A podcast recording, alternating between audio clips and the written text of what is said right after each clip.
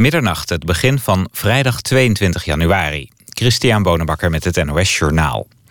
De oostkust van de Verenigde Staten bereidt zich voor op een zware sneeuwstorm. In zeker 15 staten wordt een dik pak sneeuw verwacht. De storm kan anderhalve dag aanhouden en gaat gepaard met harde windstoten en ijzel. Het verkeer langs de oostkust komt grotendeels stil te liggen... en ook zal op veel plaatsen de stroom uitvallen. In de hoofdstad Washington en Baltimore worden recordhoeveelheden sneeuw verwacht. In Washington blijven scholen en kantoren van de gemeente gesloten. In de loop van het weekend verplaatst de storm zich richting New York. Groot-Brittannië blijft diplomatieke banden met Rusland houden... ondanks de uitkomst van het Britse onderzoek... naar de moord op de voormalige Russische spion Litvinenko. Afgelopen dag werd bevestigd dat Litvinenko in 2006... vrijwel zeker in Londen door de Russische geheime dienst is vergiftigd. De Britse regering noemt dat zeer verontrustend... en een minachting van het internationale recht... maar wil tegelijkertijd de relatie met Rusland behouden... vanwege de crisis in Syrië.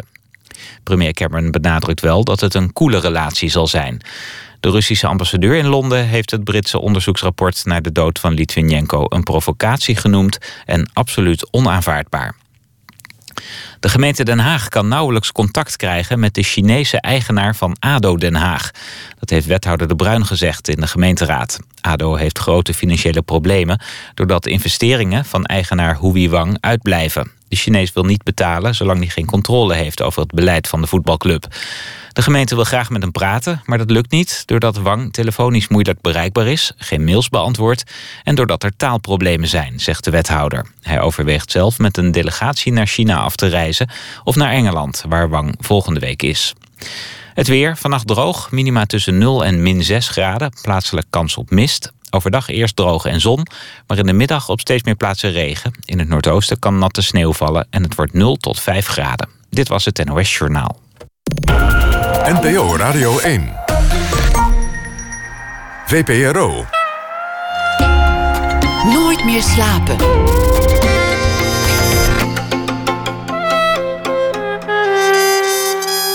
Met Pieter van der Wielen. Goedenacht en welkom bij Nooit meer slapen. Straks na 1 uur komt Stefan Sanders langs. Hij is columnist, presentator en schrijver. Hij vertelt over zijn nieuwe radioprogramma in de rubriek Open Kaart. En we gaan het hebben over levensgrote Polaroids en over de kanon van de Nederlandse mode. Die moet nog geschreven worden, maar suggesties zijn nu al welkom. We beginnen met Maarten Doorman. Hij is denker en dichter. Hij uh, heeft een boek geschreven, De Navel van Daphne. Dat begint meteen met een uh, mooie provocerende stelling. Het Rijksmuseum moet onmiddellijk dicht. Hij meent het vast niet, maar het is een mooie opmaat naar het betoog over hoe kunst geëngageerd kan zijn en hoe kunst nog relevant kan zijn in deze tijd. Maarten Doorman is filosoof, hij is ook dichter, recensent, hoogleraar in Maastricht, doseert ook in Amsterdam, schreef eerder boeken als Rousseau en ik, De Romantische Orde en de vaak herdrukte bloemlezing van hedendaagse denkers. Hij schrijft ook voor NRC Handelsblad en andere media. Maarten Doorman, hartelijk welkom. Ik zat het uh, boek te lezen in een, uh, in een espresso bar. En toen uh, werd ik op mijn schouder getikt door een vreemde. En die zei: Je moet niet steeds een boek lezen, want dan gaat het echte leven aan je voorbij. Dat vond ik een, een, een mooie opmerking. Ik vond het ook een beetje een domme opmerking. Ik vond ook een irritante opmerking. Maar ik moest er toch over nadenken. Is dat een gedachte die jou wel eens heeft bezig gehouden? Van goh, wat zit ik hier te denken? Wat, wat, wat ben ik bezig met filosofie? Bestaat er een lijn tussen de filosofie en het, en het ware leven? Ja, sterker nog, ik denk dat ik zo ben begonnen. Ik kwam van school af en ehm, ik wilde eigenlijk eh, nooit meer een boek lezen, laat staan schrijven. Dus ik, had een, was er vrij extreem in als, als uh, uh, doorgeschoten puber, zal ik maar zeggen. Dus ik ging op het land werken en in de fabriek. En het kon mij niet echt genoeg, het echte leven. Dat heb ik ook nog wel een jaar volgehouden. Tegenwoordig heet het een gap year. Dat, was toen nog, dat, dat woord bestond niet en het was ook nog niet heel gebruikelijk. Maar zo in de loop van dat jaar, toen ik ergens uh, op het platteland uh, woonde in Zuid-Spanje, toen dacht ik van nou, dat lezen van die boeken is toch eigenlijk ook wel. Uh, eigenlijk is dat wat ik wil en wat ik zo lang ontkend heb. Dus die spanning tussen het echte leven en het, het, het gelezen leven, of het geschreven leven, die, die ken ik eigenlijk van meet af aan. Dat was een, een keuze. Er is echt een moment geweest dat je dacht: ik wil geen boeken lezen, want ik wil het grootste, meeslepende leven van, van een, een, een reiziger, reiziger hebben. En een moment dat je dacht, nee, ik wil wel het leven in boeken en gedachten hebben. Zo, zo radicaal was het. Ja, maar de paradox is denk ik, als ik daar achteraf uh, aan terugdenk, is de paradox dat dat idee van dat echte leven waarschijnlijk wel uit boeken kwam. Uh, ik bewonderde Steinbeck en ik had de jaren daarvoor op school had ik al een aantal boeken gelezen die waarschijnlijk juist dat, dat beeld van dat echte leven uh, hadden geschapen. Dus het is heel paradoxaal er is niet echt een scheiding natuurlijk tussen, tussen het ware leven en, en, het bedachte leven. Ik ben wel, toen ik eenmaal uh, begon te lezen, heb ik wel tien jaar lang, ik wil niet zeggen mij opge, opgesloten, maar heb ik me helemaal suf gelezen. Dat, uh, maar dan kwam ik toch ook nog wel aan het echte leven toe. Minder dan daarna. Maar, uh, dus ik heb eigenlijk waar, waar velen zich zo uitleven in hun, in hun studentenleven, heb ik eerder daarvoor en daarna gedaan. En een langgerekt, zeer, uh, zeer vol met lezen gevuld studentenleven gehad. Een vraag die erbij samenhangt is: um, maakt het leven van de denker uit? In, in die zin het biografische leven. We kennen de gedachten van bijvoorbeeld Rousseau. Maakt het uit hoe hij geleefd heeft? een van mijn uh, vroegere filosofische helden, Schopenhauer, die zei: als je, als je dat denkt, dat dat leven van een filosoof of een schrijver uitmaakt, dan doe je eigenlijk hetzelfde als wat hele, hele domme mensen doen als ze naar een schilderij kijken. Dan gaan ze het over de lijst hebben. Um, het, het, interessante is eigenlijk dat een van de belangrijkste leerlingen, zou je wel kunnen zeggen, van Schopenhauer, uh, Friedrich Nietzsche, niet echt een leerling, maar iemand die heel erg door Schopenhauer is beïnvloed, die beoordeelt Schopenhauer uiteindelijk op zijn leven en niet op zijn leer, niet op zijn filosofie. Dus het is een beetje dubbel. Um, onder filosofen is het volstrekt taboe om het te hebben over het leven van denkers. Over de denker achter de gedachte. Ja, ja, heel beroemd is het college van Heidegger dat hij begon over Aristoteles. Hij gaf een hele reeks uh, um, lezingen of colleges over de metafysica van Aristoteles. En het allereerste college begon hij met te zeggen: uh, Aristoteles werd geboren, hij leefde en hij stierf. Waarna hij college ging geven over de metafysica. Waarmee hij ook natuurlijk wilde zeggen: uh, dit allemaal doet er niet toe. En het leuke van Nietzsche is dat hij heel vaak uh, ook het leven van filosofen in betrekt. Of in ieder geval van filosofen, van denkers of van, van, van Wagner of van Socrates. Vaak ook om te laten zien dat, dat, juist, dat die filosofie helemaal niet kan deugen. Want als iemand het zo goed weet, waarom heeft hij het dan niet in praktijk gebracht? Dat kan een argument zijn. Of het leven is iemands kunstwerk, maar het kan ook andersom werken. Die gedachten komen ergens vandaan, die zijn volstrekt verklaarbaar als je iemands biografie of, of omgeving kent.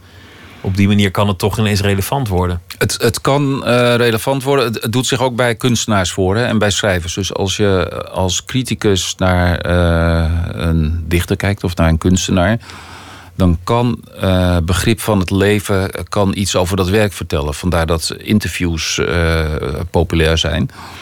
Maar het is vaak ook een vergissing. Ik bedoel, er zijn natuurlijk een heleboel kunstenaars en schrijvers die te veel drinken, acht huwelijken hebben. En of dat echt iets aan het werk toevoegt. Het is ook juist vaak dat je het werk erg verplat of reduceert tot een leven. En ik ben zelf meer van de school om het, om, om het radicaal te scheiden het boek over Rousseau, een van de vorige boeken, Rousseau en ik, daarin komt het natuurlijk wel langs dat hij. Ja, en daar doe ik het absoluut weer niet, hè? waarin die, dat hij opvattingen heeft over opvoeding en, en over, over uh, nou ja, het kind. Dat je vooral zijn gang moet laten gaan, terwijl hij zijn eigen kinderen te vondeling heeft gelegd. Ja. Dat, dat, dat is voor veel mensen een ontmaskering van, van Rousseau. Ja, dat is het ook. Maar mijn boek over Rousseau gaat ook eigenlijk over de volstrekte dubbelzinnigheid van deze man. En uh, niet alleen van zijn, uh, wat hij allemaal beweert van hoe je moet leven en wat hij dan vervolgens doet. Maar ook zijn, zijn, eigenlijk zijn hele gedachten die ik, die ik, waar dat boek over gaat. Namelijk dat we terug moeten naar de natuur. Dat we authentiek moeten leven. Dat het gaat om echtheid, om eerlijkheid in het leven. Dat hij altijd tot zijn tegendeel leidt. Dat is eigenlijk de stelling van mijn boek. Dus waar je uh, het eerlijke kind probeert op te zoeken, is dat kind uh, uiteindelijk helemaal niet eerlijk. Mensen zijn slecht. En Rousseau gelooft in de goedheid van de mens. Dus die zegt dat kind, dat wordt vanzelf, gaat hij ontdekken wat goed voor hem is. En um, laat, laat hem maar. Dat schrijft hij in zijn boek Emile. Een enorme inspiratiebron geworden voor allerlei onderwijsvernieuwingen, eeuwenlang. Maar het kind doet natuurlijk niks als het niet ook op een of andere manier gedwongen wordt. En um, wat je dan ziet is dat kinderen uh, bij alle onderwijsvernieuwingen eigenlijk zogenaamd vrij worden gelaten. Maar in praktijk via allerlei mechanismen gedwongen worden om toch dingen te doen. Ze worden vrijgelaten zolang het resultaat maar is wat men voor ogen had. En anders wordt het op allerlei subtiele manieren of minder subtiele manieren Ja. toch wel gestuurd. Dus dat verlangen naar de, naar de echtheid van, van dat kind en die eerlijkheid en die, die natuurlijke zelfontplooiing, die leidt juist tot manipulatie op de achtergrond.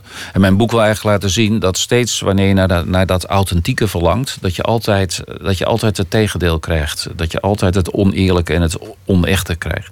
Want het authentieke is iets wat moeilijk te definiëren is, misschien wel niet bestaat en vaak dus een constructie is. Ehm, het, is een, het is een niet reëel verlangen. Dus als je kijkt, politici worden tegenwoordig steeds meer gewantrouwd. Dus mensen zeggen ja, eh, ja, die kunnen wel allerlei dingen beweren, maar ondertussen vinden ze iets anders. Dus politici gaan koortsachtig hun best doen om te laten zien dat ze het echt menen, dat ze echte mensen zijn, dat ze dicht bij de mensen staan. En ehm, dat is best lastig om dat op televisie te laten zien. Dus die nemen om dat te laten zien mediatrainers in de hand en spindokters. Oftewel, om authentiek te moeten zijn, moet je kennelijk eh, die authenticiteit gaan eh, trainen en gaan spelen. Nou, Zoals ook alle voedingsmiddelenconcerns eh, vormgevers in dienst nemen om iets er natuurlijk uit te laten zien. Ja, ja dat, is dus, dat is de paradox waar dat boek voor mij eh, over gaat. E- Eerlijkheid, of het verlangen naar eerlijkheid of authenticiteit, dat leidt onvermijdelijk tot, eh, tot onechtheid. In het boek De Romantische Orde, ook een, een mooie tegenstelling, romantiek en orde. het, het lijken begrippen die, die, die, die bijten. Zeg je eigenlijk dat die romantische gedachte, het echte, het natuurlijke, het, het authentieke, in onze tijd heel dominant is? Dat je dat eigenlijk als je het eenmaal wil zien, overal om je heen kunt waarnemen. Ja, ik, ik denk, ik ben daar niet de enige in overigens, maar ehm, niet iedereen vindt dat. Ik, ik denk dat wij nog allemaal romantici zijn. Eh, de romantiek die zo rond 1800 eh, losbarst, is niet alleen een kunststroming, dat wordt vaak gezegd. Je hebt romantische muziek of romantische literatuur. Maar het is ook een manier van leven. Het is ook een werkelijkheidsopvatting.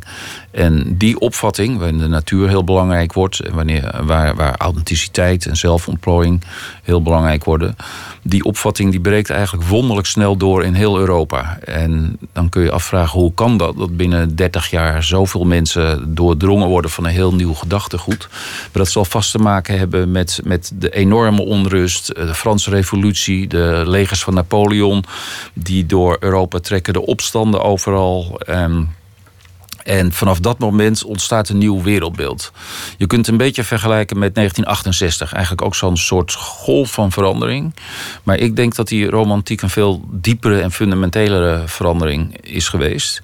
En dat tot op de dag van vandaag eigenlijk eh, wij, maar daarmee bedoel ik wij westerse mensen, en dat is nu aan het veranderen, wij eh, romantici zijn. En dat we een heleboel discussies en debatten pas goed kunnen begrijpen als we zien hoe taai die romantiek is. En met de romantiek bedoel je dan het ehm, idee dat, dat het verleden bijvoorbeeld heel erg eh, te koesteren is. De, de goede tradities, maar ook het, het natuurlijke, het echte. Al dat soort gedachten stammen eigenlijk van, van de romantiek. Ja, En die, ja. die zijn overheersend. Het belang van de natuur, het, het, het, het, het, het, authentiek willen, het authentiek willen leven, het belang van de kunst, het belang van de geschiedenis, dat je terecht noemde, wat heel belangrijk is. Dat Het we, trouw zijn aan jezelf, altijd een, een rode draad in, in, in interviews en, en horoscopen. Blijf Ja. bij jezelf, of ik wil bij mezelf blijven. Ja. Het hele fenomeen interview, wat wij nu natuurlijk ook doen, maar wat je ook veel ziet bij kunstenaars, politici. En daar zit een soort idee achter dat we de echte mens willen kennen. Of de persoon achter het verhaal, of de persoon achter de rol. En eigenlijk die hele scheiding van de rol die we spelen, ook de maatschappelijke rol, en wie we echt zijn, dat is zo'n typisch voorbeeld van die taaie romantiek, waar nog steeds ons, ons hele, eigenlijk onze hele ervaring door bepaald wordt. En wij vinden heel vaak dat, dat eh, wie wij echt zijn en zoals wij ons voordoen, dat die moeten samenvatten. Iemand uit de 18e eeuw die zou totaal niet begrijpen waar we het over hadden. Of een, een Chinees tot voor kort, want de wereld is aan het globaliseren. Dus dat westerse romantische denken is zich aan het vermengen met, met allerlei andere dingen. Maar laat ik zeggen, tot 20, 30 jaar geleden zou een Chinees ook totaal niet begrijpen waar je het over had. Je, je voert een oplossing in, in het, in het boek over Rousseau, namelijk vooruitgang. je moet niet streven naar het authentieke, want dan kom je bedrogen uit. Dan, krijg je iets dat iemand heeft vormgegeven als het authentiek, of je wordt voorgelogen, of je krijgt een toneelstukje. Je moet streven naar het betere, naar, naar de vooruitgang. Wat bedoel je daarmee? Nou, kijk, ik. ehm, het boek is in zekere zin een ontmaskering van de authenticiteit en het verlangen naar het natuurlijke. Maar ik vind het. Ik zou niet bij al die filosofen willen horen die alleen maar bezig zijn met uh, ontmaskeren. Die, uh, waarbij het deconstructivisme, zoals dat wel eens genoemd wordt, het ideaal is. Alles uh, alleen maar ontleden en laten zien dat het niet klopt en deugt. Dan heb je het boek uit en dan zit je met de scherven en dan kan de filosoof zich vergenoegd in zijn handen wrijven en zeggen: zie je, er blijft niks. En dat vind Kortom, ik eigenlijk vind ik als cultuurfilosoof dat een onbevredigende positie. Dus het boek is niet, zie je wel, Rousseau deugt niet, einde Rousseau, we gaan verder. Dat wel, maar we gaan verder, moet ook een kans krijgen. Dat is, Juist, ja, ja, precies. Want anders is het ook. eh, het is natuurlijk. eh, Rousseau, het is hilarisch om over te schrijven. Want ik bedoel, het was zo'n gek. Dus het is dan. Maar. eh, toch is het onbevredigend om het daarbij te laten. Dus ik heb ook geprobeerd om na te denken over wat die, wat die, dat verlangen dat de, naar dat natuurlijke is. Behalve de nostalgie, die steeds als een verwijt eh, eh, wordt geuit eh, jegens Rousseau. En ehm, dan betekent het dat dat, dat verlangen naar dat natuurlijke eh, niet alleen een nostalgie is. Voltaire, een tijdgenoot van Rousseau, deed daar een beetje flauw over. Ehm, misschien niet heel flauw, want Voltaire was een ongelooflijke geestige brievenschrijver, eh, maar ook behoorlijk sarcastisch. En eh, Rousseau bewonderde Voltaire aanvankelijk nog en eh, stuurde hem een boek op, waarop Voltaire een briefje terugschreef: Geachte meneer Rousseau, ik heb uw boek gelezen, maar ik ben bang dat ik te oud ben om, om nog op handen en voeten te gaan lopen en eikels te eten. Met andere woorden. Ehm, Voltaire verweet hem een soort eh, irreële nostalgie. Wij zijn geen kinderen meer. We zijn Terug opgegroeid. naar de natuur of terug Ja. naar de kindertijd. Dat betekent gewoon dat je verworvenheden uit het raam gooit. Zoals het rechtop lopen, het niet langer of, of, of, of wat voor gedrag dan ook. Maar daarmee deed hij hem wel tekort. Ehm, want eh, ik denk dat Rousseau ook weer niet zo gek was... dat hij dacht dat we echt weer als indianen en goede wilden... zoals dat toen heette, eh, moesten gaan leven. Het is natuurlijk ook een ideaal voor de toekomst. En dat maakt hem toch ook veel interessanter dan op het eerste gezicht lijkt. Dus aan de ene kant leidt dat verlangen naar, naar, dat, naar, dat, naar die authenticiteit steeds tot, tot tegenstellingen. Maar ehm, ik bepleit in mijn boek toch dat we ehm, niet al onze authentieke verlangens zomaar overboord gooien. We gedragen ons natuurlijk als gekken wanneer we als toerist naar het buitenland gaan. Dan willen we eh, de echte cultuur zien. eh, Met Het echte Spaanse eten dat Ja. alleen de toeristen eten. Precies, dus eh, dan gaan ze in Spanje vervolgens gaan ze eh, echte Spaanse paella maken. Zoals hier in Volendam. Om acht uur 's ochtends zich een heleboel mensen in Volendammer kostuum hijsen. En dan Volendammer gaan spelen voor de Amerikaanse toerist. Of de Japanse fotograferende medemens. Ehm, dus dat soort paradoxen geven goed de absurditeit van, die, van, van dat authentieke aan. Maar tegelijkertijd, ik zou het niet overboord gooien. Want is natuurlijk ook een, het, het willen behouden van cultuur. Het erkennen van wat een cultuur is. Heeft ook veel met onze identiteit te maken. Of kijk naar voedsel, waar dat ook enorm speelt. Dat verlangen naar authentiek voedsel. Maar dan in, in het geval van voedsel zou je het moeten ontleden. In het geval van opvoeding zou je dat ook kunnen doen. Dus je zegt, oké, het kind aan zijn lot overlaten, want het is natuurlijk, dat werkt niet. Maar je kunt wel nadenken over wat het optimale is. Welke voordelen biedt een minder strenge opvoeding ten opzichte van het meer vrijlaten? En dat kun je invoeren. Ja. Of met voedsel. Als je denkt het is gezonder om natuurlijker te eten, dan kun je ook gewoon je, je niet-natuurlijke eten gezonder maken. En Ja. dat is vooruitgang. Ja, en dan is die authenticiteit, of, of biologisch eten, of eh, organic, of hoe het ook allemaal genoemd wordt, waar, steeds, waar ze al die, die metaforen hangen samen hè, met het natuurlijk- natuurlijke en het authentieke. Ehm, dat is best een goed eh, etiket om een aantal eh, zinvolle idealen onder te scharen. Het is een thema dat vaak terugkomt in, in de verschillende boeken die je hebt geschreven. Vooruitgang versus de romantiek. We hebben het gehad over Rousseau, een, een, man die het ene zei en het ander deed. Ik vraag me wel eens af of iemand niet twee identiteit in één borst zou mogen hebben. Waarom iedereen altijd ondeelbaar zou moeten zijn. Waarom zou je niet gewoon twee kanten op kunnen sturen in één leven? Dichter en denker ben je zelf. Dat is voor veel mensen ook tegengesteld. De, de dichter is bezig met zijn gevoel, met het abstracte. Hoeft dingen Mhm. niet te verduidelijken. En, en de denker moet dingen juist concreet maken, definiëren. En is met Ja. het hoofd bezig. Ja.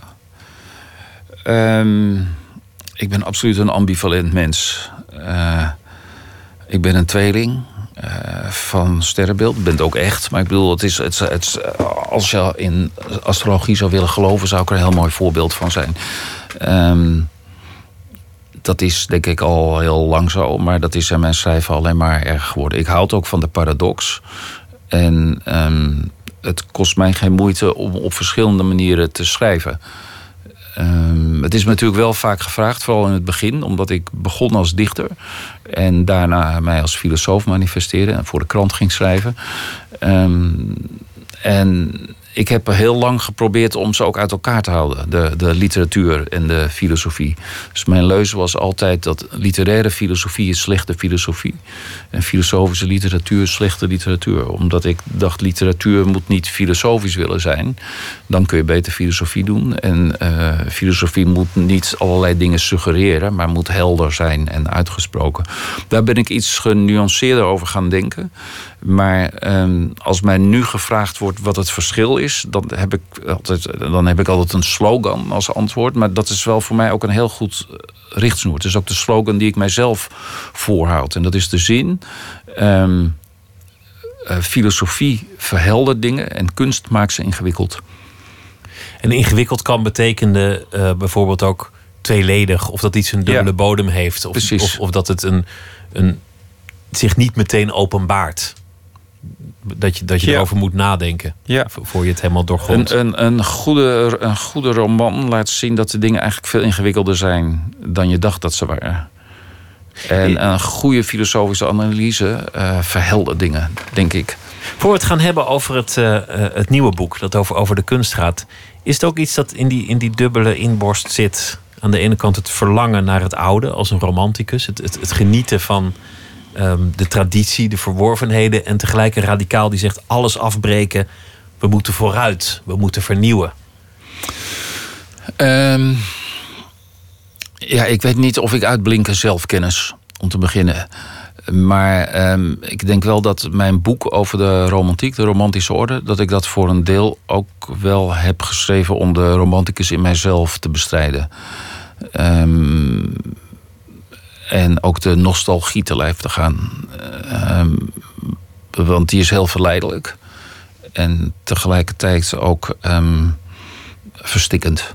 Het zou verleidelijk zijn om, om ook al is het 2016, in de 18e eeuw te leven.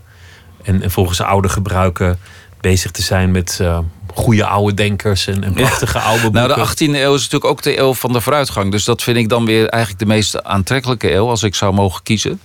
Dan zou ik denk ik precies voor die 18e eeuw kiezen. Weer vanwege het ambivalente. Je gaat wel dat terug. is helemaal paradoxaal om nostalgisch te zijn naar de eeuw van vooruitgang. Precies, precies. Nou, daarom spreekt het, mij, spreekt het mij natuurlijk ook zo aan. Dat eh, je gaat terug, maar wel naar de eeuw die in vooruitgang gelooft. Waarbij ik dan wel moet zeggen dat de 18e eeuw natuurlijk alleen maar heel fijn was... wanneer je ongelooflijk veel geld had... en bij die 1 of 2 procent hoorde die op kastelen wo- woonden... en het zich kon veroorloven om te lezen en naar muziek te luisteren. Omdat Dat die andere voor de- 98 procent enorm hard eh, moest werken... om dat allemaal te kunnen eh, laten gebeuren. Geldt voor de meeste periodes in de geschiedenis. Ja, Ze zijn leuker al als je heel veel geld... ja. Ja. We gaan, voor we het gaan hebben over eh, het betoog... over kunst en engagement luisteren naar Blues... uit 1959 van Jimmy Reed, Little Rain.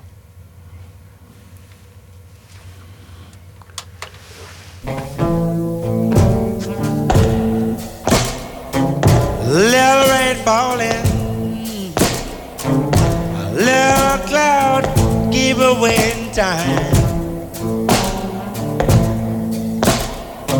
A little rain falling, a little cloud give away in time.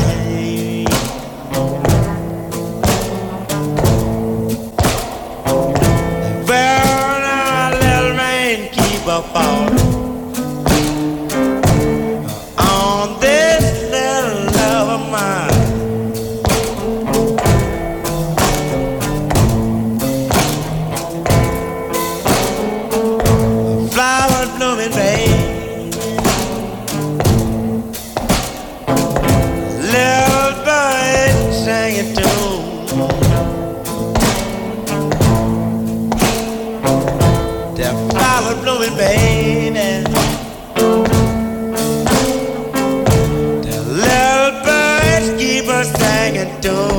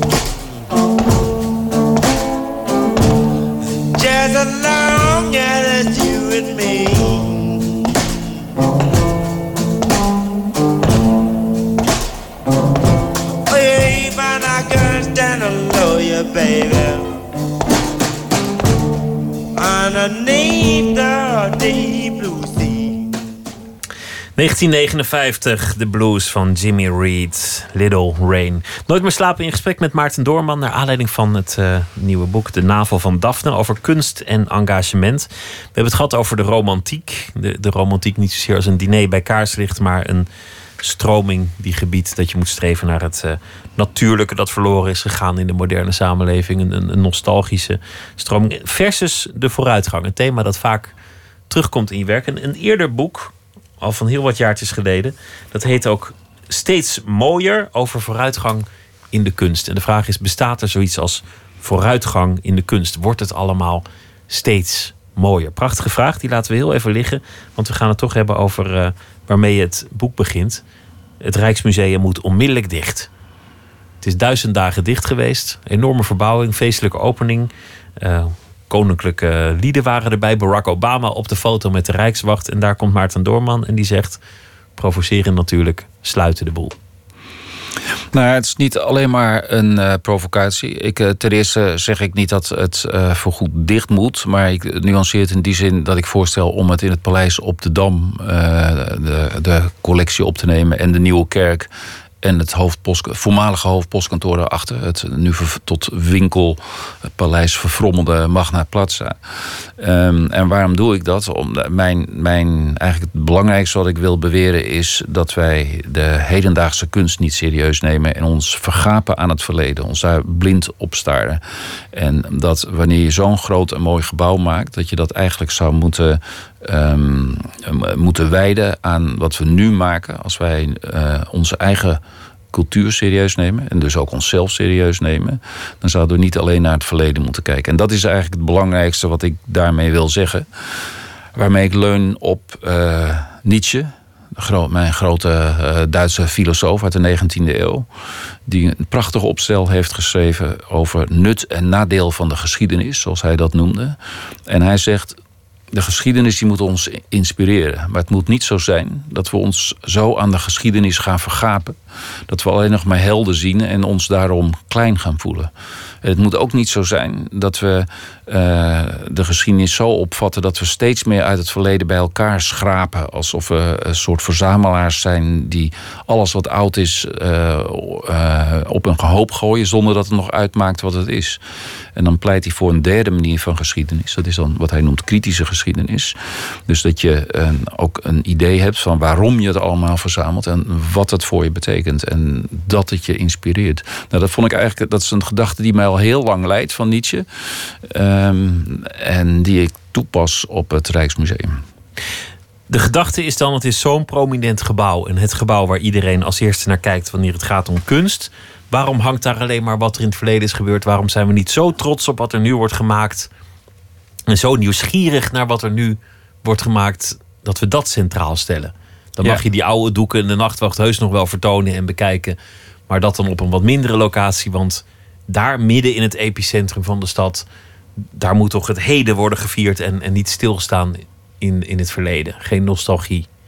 Ja, dat is, dat is eigenlijk mijn intentie. En die komt voort uit een andere gedachte. Namelijk dat ik merk dat de laatste 20, 30 jaar eigenlijk eh, de hedendaagse kunst steeds minder serieus wordt genomen. Of dat nou voor literatuur geldt of voor dans, schilderkunst, muziek. Mensen vinden dat al gauw raar en onzin. En we hadden zelfs in het vorige kabinet een, een staatssecretaris die zich erop liet voorstaan dat eh, de kunst van nu hem niks zei een staatssecretaris van cultuur. Dus dat gaat best ver. Dus ik dacht, een krachtig tegensterm is goed. Maar het is ook goed, daarvoor ben ik natuurlijk filosoof... om na te denken over hoe dat nu eigenlijk komt. En één verklaring, denk ik, is ehm, dat de avant-garde voorbij is sinds de jaren tachtig van de vorige eeuw. Een lange 20e eeuw, en daarvoor eigenlijk al, was moderne kunst iets vanzelfsprekends. Er waren stromingen, er waren tijdschriften. En als je modern was, was je in kunst geïnteresseerd. En eh, het bestaansrecht van de kunst stond eigenlijk helemaal niet ter discussie.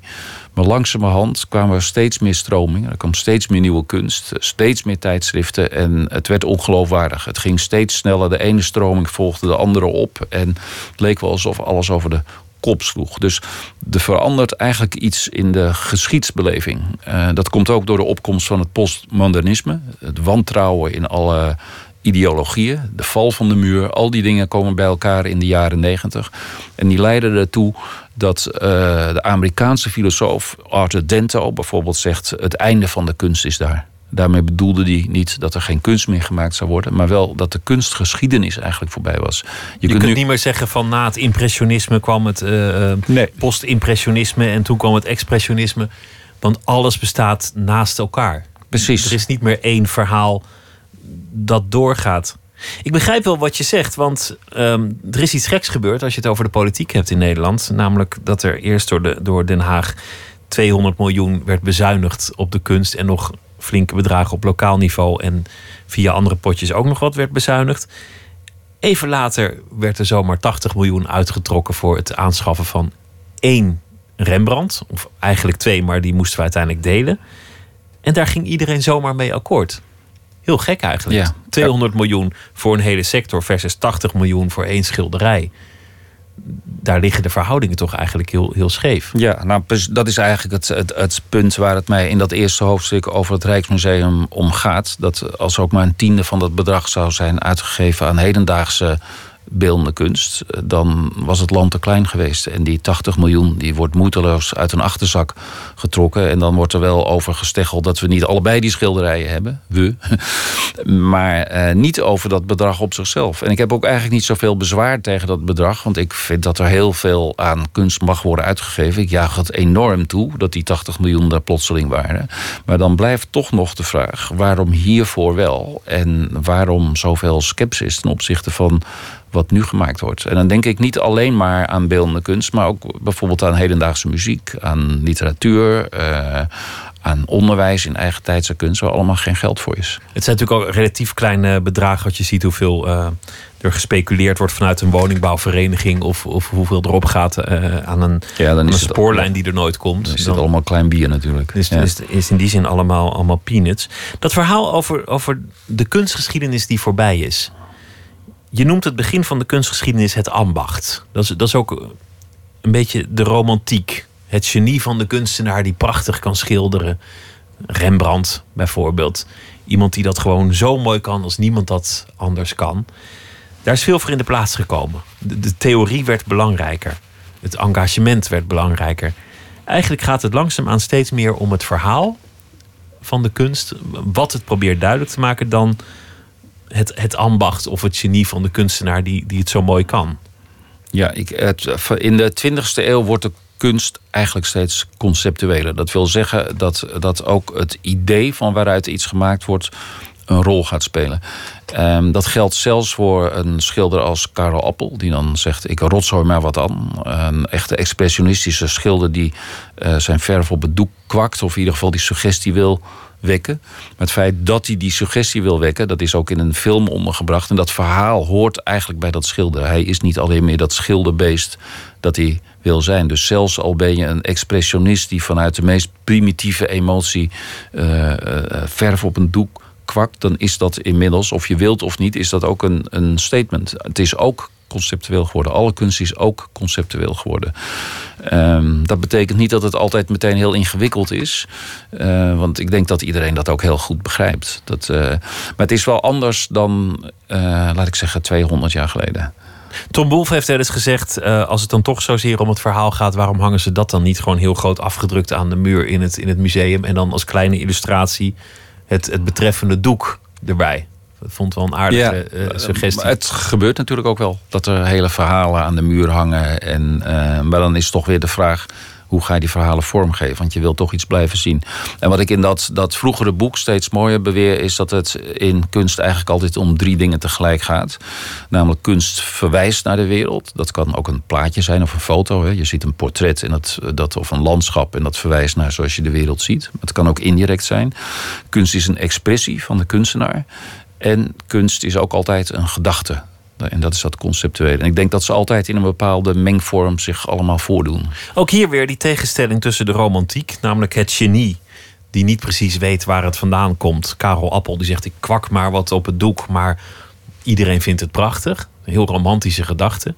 Of de vooruitgangsfilosoof. Je moet met een beter idee komen en dat moet goed doorgrondbaar zijn. Daar, daar moet je lang op, op hebben zitten. Nou, op zichzelf zijn die twee natuurlijk heel goed, uh, zijn die heel goed te verenigen. Dus uh, uh, Beethoven zegt bijvoorbeeld: ja, ik, ik loop door de natuur en dan valt mij van alles te binnen. En, en dat is wat het niet doet. Het lijkt alsof het uit het niks komt of uit de kosmos. En dan kun je afvragen: ja, als dat zo, zo irrationeel is, hoe kan er dan vooruitgang plaatsvinden? Maar waar het tegelijkertijd om gaat, is natuurlijk originaliteit. Dat wordt vanaf de zo belangrijk. Dat zie je in de Chinese kunst helemaal niet. En dat zie je ook niet in de kunst van voor de romantiek. Maar nu is een van de belangrijkste criteria voor goede kunst is eigenlijk is het nieuw. Is het eigenlijk is dat helemaal uniek van die kunstenaar. En originaliteit betekent per definitie al vernieuwing. Want als je origineel bent, dan betekent het dat iemand anders het nog niet heeft gemaakt. En daar heb je eigenlijk de kern van dat vooruitgangsbegrip dat in de 19e eeuw zo sterk wordt. Dat heeft natuurlijk ook hele rare dingen opgeleverd. De, de, de performances waarbij mensen steeds verder gingen. Mensen die zichzelf verwonden, zichzelf martelden. Uh, of, of gewoon hele gore dingen deden met, uh, met uitwerpselen. Alles voor de kunst, omdat het nou eenmaal nog nooit eerder was gedaan. Dat wordt dan een poging om, om, om zeg maar de nieuwe kleur zwart van de kunst ja. te zijn daar is het misschien wel een beetje misgegaan. Ja, misschien denk, is dat wel het grote afhaakmoment geweest. Nou, er is niet één afhaakmoment, maar er, er zijn is wel... vele afhaakmomenten geweest.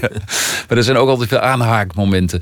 Um, er zijn een aantal kunstenaars geweest, denk ik. Vooral na dat einde van de avant-garde waar we het over hebben gehad. En dat, dat verdwijnen van het gevoel van urgentie.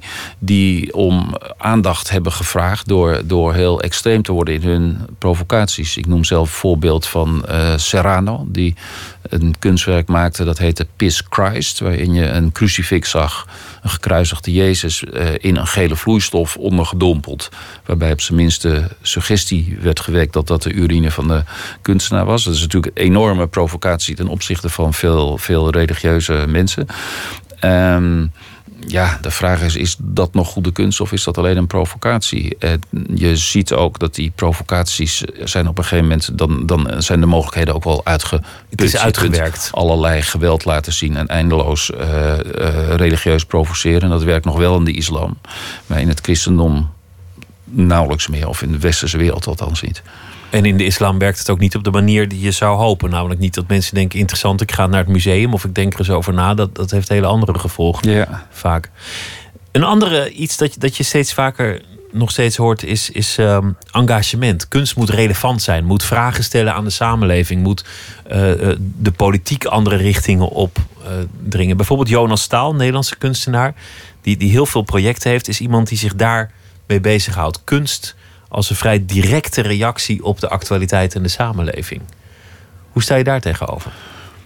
Um, nou, dat is een van de dingen die mijn, mijn laatste boek natuurlijk het, het meest fascineert. Um, kan dat eigenlijk wel, dat engagement? En ik de, de vraag in de navel van Daphne is eigenlijk een hele simpele vraag.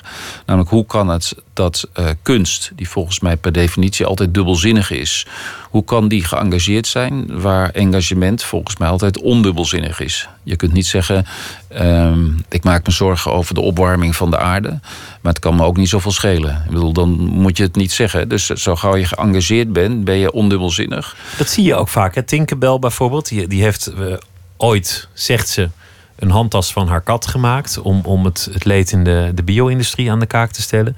Ze heeft zich ingezet voor vluchtelingen. Maar dan bleek er iets in haar verhaal niet te kloppen. En dan zei ze: Ja, dat hoeft ook niet, ik ben kunstenaar. Ja. Dan zie je eigenlijk al meteen dat dat, dat, dat wringt. Dat dat niet lekker zit. Dan, dan is dat een, een te makkelijke vlucht. Dus de, de vraag is, hoe, kan, hoe kun je het goed doen? En, en dat is een simpele vraag, maar daar hangen allerlei ingewikkelde dingen onder. Dus dat is altijd fijn voor een filosoof. Hè? Een simpele vraag die ingewikkeld is. Ja, mooi. Um, um, en ik denk dat Tinkerbell vaak zich iets te gemakkelijk uh, als kunstenaar uit en zich dan verschuilt achter de dubbelzinnigheid van de kunst als ze in de problemen komt. En dat is niet goed. Het is natuurlijk het is de kunst het zo te doen dat uh, je de dubbelzinnigheid handhaaft, maar je toch tot de wereld verhoudt. Nee, dat is eigenlijk al vrij ingewikkeld. Uh, maar uh, ik denk even na voor wat je zegt. Nou, eh, misschien moet ik het doen aan de hand van een voorbeeld. Want uh, een voorbeeld van wat ik denk dat goed is... en een voorbeeld van waar ik denk dat het niet, waar het niet werkt... is eigenlijk heel simpel. Dat, is de, dat zijn de sociaalrealisten uit de Sovjet-Unie... uit de tijd van Stalin... die uh, arbeiders afbeelden met vlaggen. En dan denk je, ja, dat is, dat is eigenlijk gewoon als kunst niet zo... dat is reclame of dat is, dat is propaganda. Maar dat is geen kunst. Niet dubbelzinnig, gewoon, gewoon ja. vrij plat. En um, ik noem in mijn boek een voorbeeld van Ai Weiwei. Ik probeer een beetje de, de beroemde voorbeelden aan te halen. Want hij is natuurlijk een superster inmiddels. En die heeft een installatie gemaakt waarin hij zichzelf afbeeldt in een schaal van 1 op 6, terwijl hij in de gevangenis zit. Hij zat, een, hij zat 81 dagen vast hè, in China op beschuldiging van belastingontduiking. Maar dat was natuurlijk omdat hij uh, te kritisch was. En hij heeft een aantal scènes uit die gevangenis op schaal in een soort grote kijkdozen afgebeeld. En dan zie je hem steeds met twee bewakers uh, naast hem. Zelfs als hij naar de wc gaat, als hij ligt te slapen. De hele tijd twee geuniformeerde bewakers naast hem. Heel benauwend gezicht. Maar tegelijkertijd denk je, het is ook wel larmoyant om jezelf als leidende kunstenaar in een schaal van 1 op 6 maal 12 uh, in kijkdozen tentoon te stellen. Is dat nou, dat, is, dat zou niet een soort engagement zijn die mij aan zou spreken. Dan zou je denken van, goh, wel zielig voor die kunstenaar. Maar je bent het er ook meteen mee eens. En dan ben je klaar met het kunstwerk. Maar nu komt het. Je kon dat alleen zien door op een soort doosje te gaan staan en door een luikje naar binnen te kijken in die doos. En dan denk je plotseling, als, uh, als toeschouwer, denk je: hé, hey, maar wacht even. Ik ben nu die bewaker. Ik kijk door het luikje in de gevangenis. Ik kijk ook naar die bewakers. Ik ben de bewaker van de bewaker. En je verplaatst je niet in, in de gevangene, maar in de bewaker. Want jij kijkt naar binnen door het luikje en, en ziet alles ja, wat hij en doet. En plotseling word jij als kijker eigenlijk schuldig. En plotseling denk je: hé, um, hey, wacht even, het is veel ingewikkelder. Mijn kijken mijn kijken is ook een daad. En als ik naar kunst kijk, ben ik ook een bewaker. En dan krijg je een heleboel associaties... waardoor je niet meer zo gemakkelijk wegkomt met die Chinese overheid. Dat zijn een stelletje schoften. En die arme kunstenaar die wordt onderdrukt. En als je dan denkt, hé, hey, maar hebben wij, wij wel over nagedacht... want hij zet me niet voor niks op dat opstapje om door dat luikje te loeren. En dan ga je, vervolgens ga je weg en dan denk je... nou, is eigenlijk best ingewikkeld, want iedereen is schuldig. Of hoe zit dat? Je komt eigenlijk meer met, je gaat met vragen weg in plaats van met antwoorden. En dan komen we eigenlijk terug op waar we het eerder over hadden in dit gesprek. Hè? Dat ik dus denk, filosofie moet dingen verhelderen. Dat doe ik dan in dit boek. Maar de kunst moet ze ingewikkeld maken. En dat vind ik een geslaagde vorm van geëngageerde kunst. Omdat het geen propaganda is. Omdat het ons met vragen opzadelt. Uh, en ook iets over de man persoonlijk uh, zegt. Het is ook in wezen een, een heel romantisch iets. Het, het, is namelijk het individu dat vastloopt in een, in een samenleving. Het, het is een beetje het, het genie, de, de cultus rond de kunstenaar. er zit ook een, een, een zekere mate van vervreemding in en, en een drang naar een andere wereld. Precies, Zou ik zeggen, het is ook een heel romantisch. Daar heb je helemaal gelijk. En dus dat, het idee dat kunst ehm, dubbelzinnig is, of, of ambivalent of ambigu. En dat is het idee dat ik verdedig. Dat je zegt, je ziet niet wat je ziet. Of zoals dat zo mooi in een gedicht van Nijhoff heet... lees maar, er staat niet wat er staat. Ehm, dat is eigenlijk een romantisch idee. Dat is het idee dat uh, de kunst je leert dat de wereld niet is wat hij is. En dat geeft ons ook de mogelijkheid om een betere wereld uh, je voor te stellen. Of een slechtere. Dat kan natuurlijk ook. Je kunt een utopie eh, je voorschoten. Je kunt ook een dystopie, een 1984 of een Brave New World van Aldous Huxley. Het is onze verbeeldingskracht die het mogelijk maakt om te begrijpen dat de wereld niet alleen is wat hij is. Nou, en dat is een romantisch programma. En er zijn kunstenaars nu, uh, Jonas Staal is daar een goed voorbeeld van, die, die zeggen: ja, maar dat is eigenlijk, zulke kunst, daar zitten we niet op te wachten. Want die kan dan nooit echt geëngageerd zijn. Dat is alleen maar kunst die. Uh, die door, vermaakt. Nou, maar ook kunst die wordt door de overheid gesteund om ons het gevoel te geven dat we in een democratie uh, leven, waarin je best kritiek mag hebben, maar die kritiek blijft uiteindelijk alleen maar in het museum en in de galerie. Die heeft geen enkele uitwerking. En dat is wel een prachtig verhaal van die, van die dubbelzinnigheid. En daarbij betonen we ons dan heel democratisch en vrij. Maar het verandert helemaal niks aan de wereld. En, en een kunstenaar is Jonas Staal. En zo zijn er meer. Zeggen nee, we moeten veel radicaler zijn. En die bestrijden ook de dubbelzinnigheid. Maar daarmee komen ze volgens mij wel weer in, in het schuitje van de propaganda terecht. Maar dan wil ik meteen de, de stap maken naar uh, je eigen werk. En je eigen rol als, als beschouwer van kunst en filosoof. En waar we ook begonnen iemand die mij op de schouder tikt en zegt: Lees toch geen boek, het ware leven gaat aan je voorbij. Een worsteling die je zelf ook hebt gehad. Hoe zie je dat als denker? Want, want hier gaat het over de kunst. Hè? Ja, je kunt wel de, de wereld veranderen in een museum, maar mensen lopen weg en alles blijft hetzelfde. Hoe, hoe zie je dat voor de filosoof? Heb, je, heb jij het idee dat het impact heeft, dat het, dat het van belang is wat jij schrijft? Um om te beginnen moet je nooit te veel illusies maken. En vervolgens moet je heel veel illusies maken en denken: ja, wat ik schrijf, dat Anders gebeurt er maakt niks een verschil. Want als krijg je geen letter op papier. Dus uh, um, ik, ik hoop als filosoof een publiek te bereiken. Anders dan veel van mijn collega's die uh, uh, anders werken en vaak eerder hopen om een subsidie van, van een instelling te verwerven. Um, waar ik ze erg om respecteer. Maar um, ik probeer met mijn boeken ook een publiek te bereiken buiten de universiteit. Um, omdat ik hoop, denk er naar streef om met de ervaring die ik als filosoof heb en als denker ook ook iets te, ook, ook een rol te kunnen spelen in waar het over gaat. Want weet je wat mij nou eigenlijk zo verbaasde? Um, ik was de laatste jaren in Venetië, in Kassel, op een heleboel plekken waar, waar hedendaagse kunst werd vertoond. Want het boeit mij om allerlei redenen. En um, er zijn zo ontzettend veel kunstenaars die zich uitspreken over de wereld. En het gekke is dat bijna niemand erover schrijft. Ik heb, er is één boek in Nederland van Hans de Hartog-Jager over verschenen. Vind ik ook een goed en mooi boek. Uh, journalistieker dan het mijne, maar interessant. Maar verder, ook in het buitenland, er wordt bijna niet over geschreven. Maar al die kunstenaars doen het. En mensen hebben het erover. Maar ik dacht, hé, hey, dat, is, dat is echt toch een onderwerp. Zoals je eerder zei, de kunstgeschiedenis is voorbij. Iedereen stond in, in de jaren 50 nog klaar om, om, om te zien wat er aan de hand was. Om, om mee te gaan in de nieuwe stroming. En nu gebeurt er eigenlijk van alles wat interessant is. En, en ontstaan er nieuwe dingen, maar er wordt niet over geschreven. Ja, veel minder. Ja, ik, dat ik erger mij wel een beetje aan, uh, aan het gebrek aan kritiek, ook in kranten en in tijdschriften.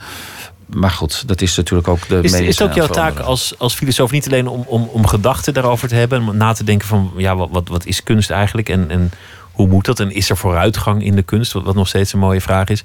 Maar misschien ook om gewoon mensen erbij te betrekken, om te engageren. Ik hoop het, maar dat doen ook mijn vrienden en de mensen die je kent. Kijk, als je naar de film gaat, dan uh, je gaat naar een beetje een goede film. Ik bedoel, een goede film kan ook slecht zijn, hè, maar een interessante film. Um, dan ga je daarna in het café zitten en dan drink je iets. En dan ga je het over die film hebben. En soms ben je een minuut klaar, maar soms ben je een half uur Ehm, dat hoort daarbij, bij die film. Daar hoort een gesprek bij. En uh, dat uh, hoort een gesprek bij boeken. Het is een, uh, en daar hoort ook een discussie bij. En ik vind het ook fijn als er soms hard en onverzoenlijk wordt getwist over of iets goed is of niet en waarom. Want het, het, het geeft was, diepte. Het was een en, kutfilm of het was een goede film, daar moet je gewoon over kunnen twisten. Dat is de pret van, van, van de film. En dus ook van het, van, van het doek of van, van de ja, en alleen maar zeggen dat het, dat het leuk is en prachtig, dat vind ik zo, uh, vind ik zo killing. Dan Heb die- ik echt een rotavond.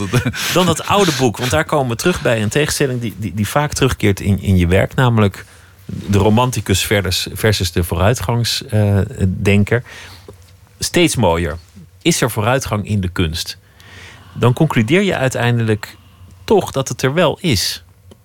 Dat er wel degelijk vooruitgang bestaat in de kunst. Dat vond ik interessant. Ja, nou ook dat is een beetje een provoca- provocatieve stelling. En vooral omdat hij in een proefschrift stond. Het is niet de meest, meest wetenschappelijk te onderbouwen stelling. En dat wou ik toch eens uitproberen. Ehm, kijk, eh, Gerard Reven heeft dus gezegd... eh, vooruitgang bestaat niet. En dat is maar goed ook, want zoals het is, is het al erg genoeg. En dat vind ik als vertrekpunt niet zo slecht. Maar vervolgens, en dan, dat is eigenlijk wat ik ook al over dat boek van Rousseau zei. Vervolgens kun je daarbij blijven staan. En dan is het ook wel weer een beetje een mager uitgangspunt. Ehm, omdat ik toen al kritieken schreef voor de krant, dacht ik ook van, nou ja, je, als je een, een boek leest of een poëziebundel, dan vraag je je toch ook altijd af. Wat voegt dit toe aan wat we allemaal al kennen en hebben? Eigenlijk een hele simpele vraag, maar niet onbelangrijk. Wat trouwens een andere vraag is dan te zeggen: is het nieuw? Hè? Dus Zoals je eh, eh, eh, voor het gesprek zei, in de popmuziek wordt heel vaak zijn er mensen die willen de, nieuwste groep. De nieuwste rage, de Ja. nieuwste trend of, of wat dan ook. Ja, en nieuw is een consumententerm volgens mij. Maar voegt het iets toe aan wat we al kennen? Ehm, is volgens mij een hele goede vraag. Ehm, Is het overbodig of, of zit de wereld er nog op te wachten? Ja, want we moeten ook, we moeten toch ook nu jonge kunstenaars van nu, of schrijvers van 25 die nu beginnen, eh, daar moeten wij nieuwsgierig naar zijn, vind ik. Dat moeten wij willen lezen en volgen. Niet allemaal en altijd, maar Het zou, het zou toch vreselijk zijn als we, als we niet meer in onze eigen tijd zouden leven. Dat, Ja. dat we alleen nog maar bezig zouden zijn met Rembrandt en, en Vermeer. Hoe prachtig dat ook is. En ons helemaal niet bekommeren over, over wat eigenlijk typerend is voor onze eigen ja. periode. Dus zo kunnen we dat, als we het vooruitgangsbegrip op die manier begrijpen, dan ben ik er nog altijd een hartstochtelijk verdediger van. Tegelijkertijd weet ik wel hoeveel ellende de vooruitgang ons heeft gebracht. Dus we moeten ook een verschil maken, denk ik, tussen waar die, al die avant-garde beweging in geloofde, in die vooruitgang, en dat ze echt voorop opliepen en de maatschappij verbeterden. En, en eh, daar kunnen we niet mee in geloven. En ook niet meer dat de geschiedenis een soort wetmatige vooruitgang is. Ehm, maar wel kunnen we belangstelling houden voor, voor jonge mensen die nu beginnen met iets te maken. En als je zelf ouder wordt, ik vind het zelfs een voorwaarde voor mezelf dat ik daar nieuwsgierig naar blijf. En daarom moet het Rijksmuseum dicht. Of op zijn minst naar een andere plek. Of laten we ook eens kijken naar het eh, heden. De Navel van Daphne heet het eh, nieuwe boek over kunst en engagement. Maarten Doorman, dank je wel dat je te gast wilde zijn. En veel eh, succes met alles wat je verder gaat doen. Dankjewel. De VSB Poëzieprijs die wordt eh, volgende week woensdag uitgereikt. De winnaar die zal hier te gast zijn. We gaan eh, elke dag luisteren naar een van de genomineerde dichters. Vandaag naar Antwerpen, dichter Maud van Houwaard. Zij is genomineerd vanwege haar tweede bundel Wij zijn evenwijdig.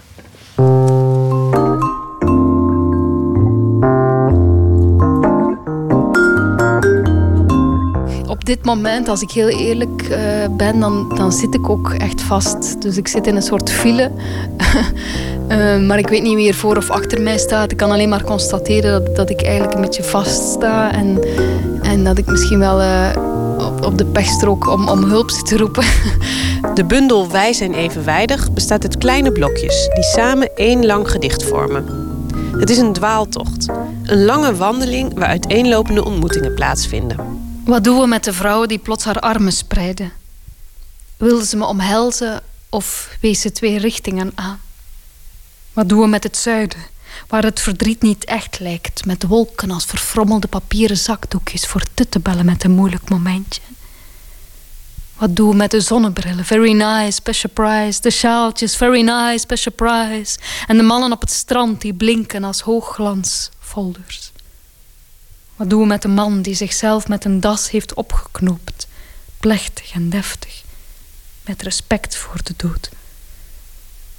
Wat doen we met het verkrachte meisje en de mensen die zeggen: Zo mooi is het toch niet? Wat doen we met de vrouw die haar vetrollen toont en zegt: Kijk, dit is mijn sloppenwijk. Wat doen we met de vrouw die plots achter mij staat, haar handen over mijn ogen legt en zegt: Je kent mij van ergens. En je mag kiezen van waar.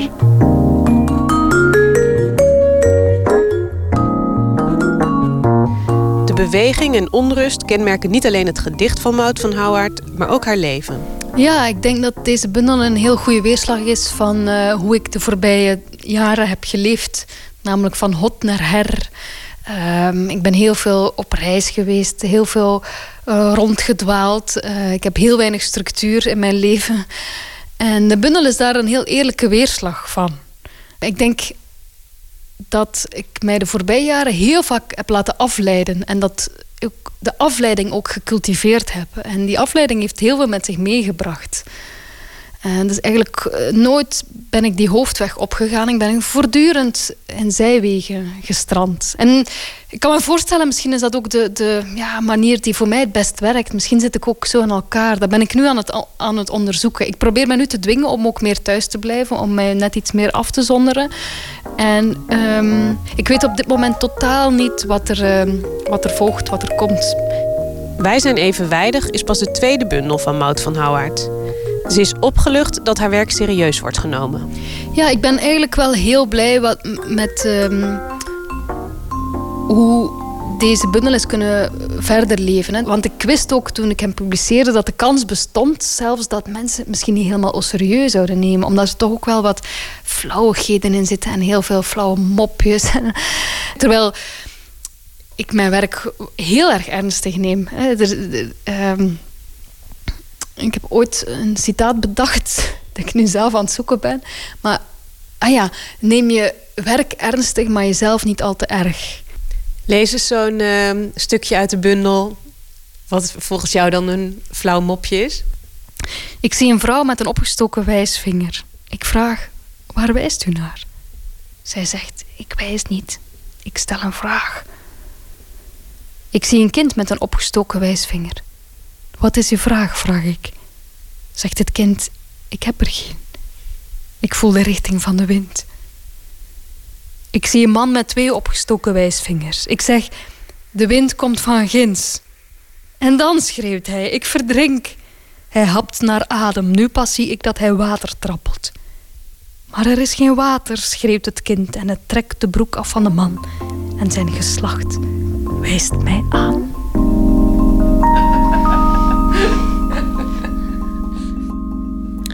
Mout van Houwaard, een van de genomineerden voor de VSB Poëzieprijs, die komende woensdag wordt uitgereikt vanwege haar tweede bundel Wij zijn evenwijdig.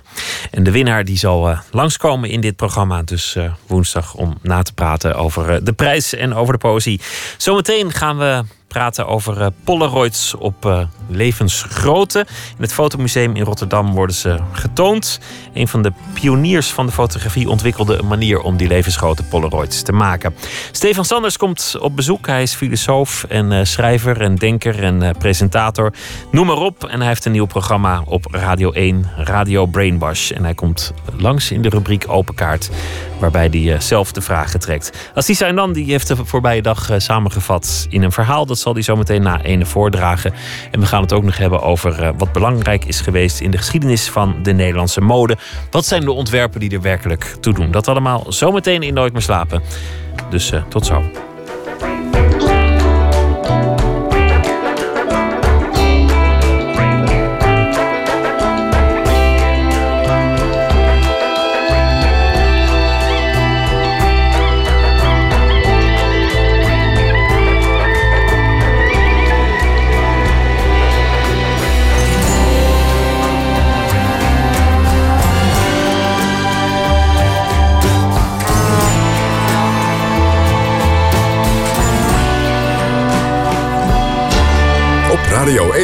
Het nieuws van alle kanten.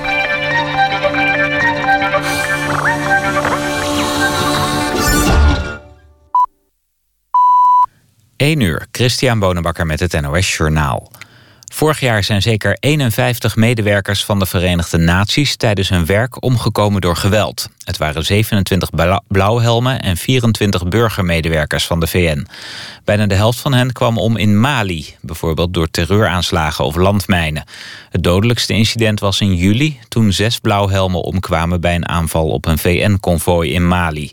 Het is voor het eerst in jaren dat het aantal VN-doden is afgenomen. In 2014 waren er 61 slachtoffers en vorig jaar dus 10 minder. De eerste van vier Amerikaanse gevangenen die afgelopen weekend in Iran werden vrijgelaten is weer thuis. Het is een 32-jarige oud-marinier. Die werd in 2011 gearresteerd toen hij op familiebezoek in Iran was. Hij werd verdacht van spionage, werd daarvoor eerst ter dood veroordeeld... maar dat werd later omgezet in 10 jaar cel. Afgelopen weekend kwam hij vrij als onderdeel van een gevangenenruil... samen met drie andere Amerikaanse gevangenen van Iraanse afkomst. Na een paar dagen in een ziekenhuis in Duitsland... kwam de oude marinier vandaag aan in Michigan, zijn thuisbasis. Hij zei dat hij de 4,5 jaar cel in, Iran, in Iran heeft doorstaan... dankzij de training die hij bij de Amerikaanse marine heeft gehad.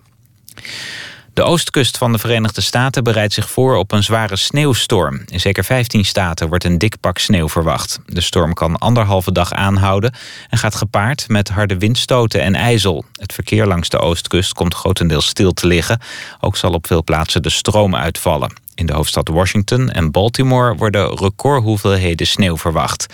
In Washington blijven scholen en kantoren van de gemeente gesloten. In de loop van het weekend verplaatst de storm zich richting New York. Het weer, vannacht droog, minima tussen 0 en min 6 graden. Plaatselijk kans op mist. Overdag eerst droog en zon, maar in de middag op steeds meer plaatsen regen. In het noordoosten kan natte sneeuw vallen en het wordt 0 tot 5 graden. Dit was het NOS Journaal. NPO Radio 1. VPRO. Nooit meer slapen.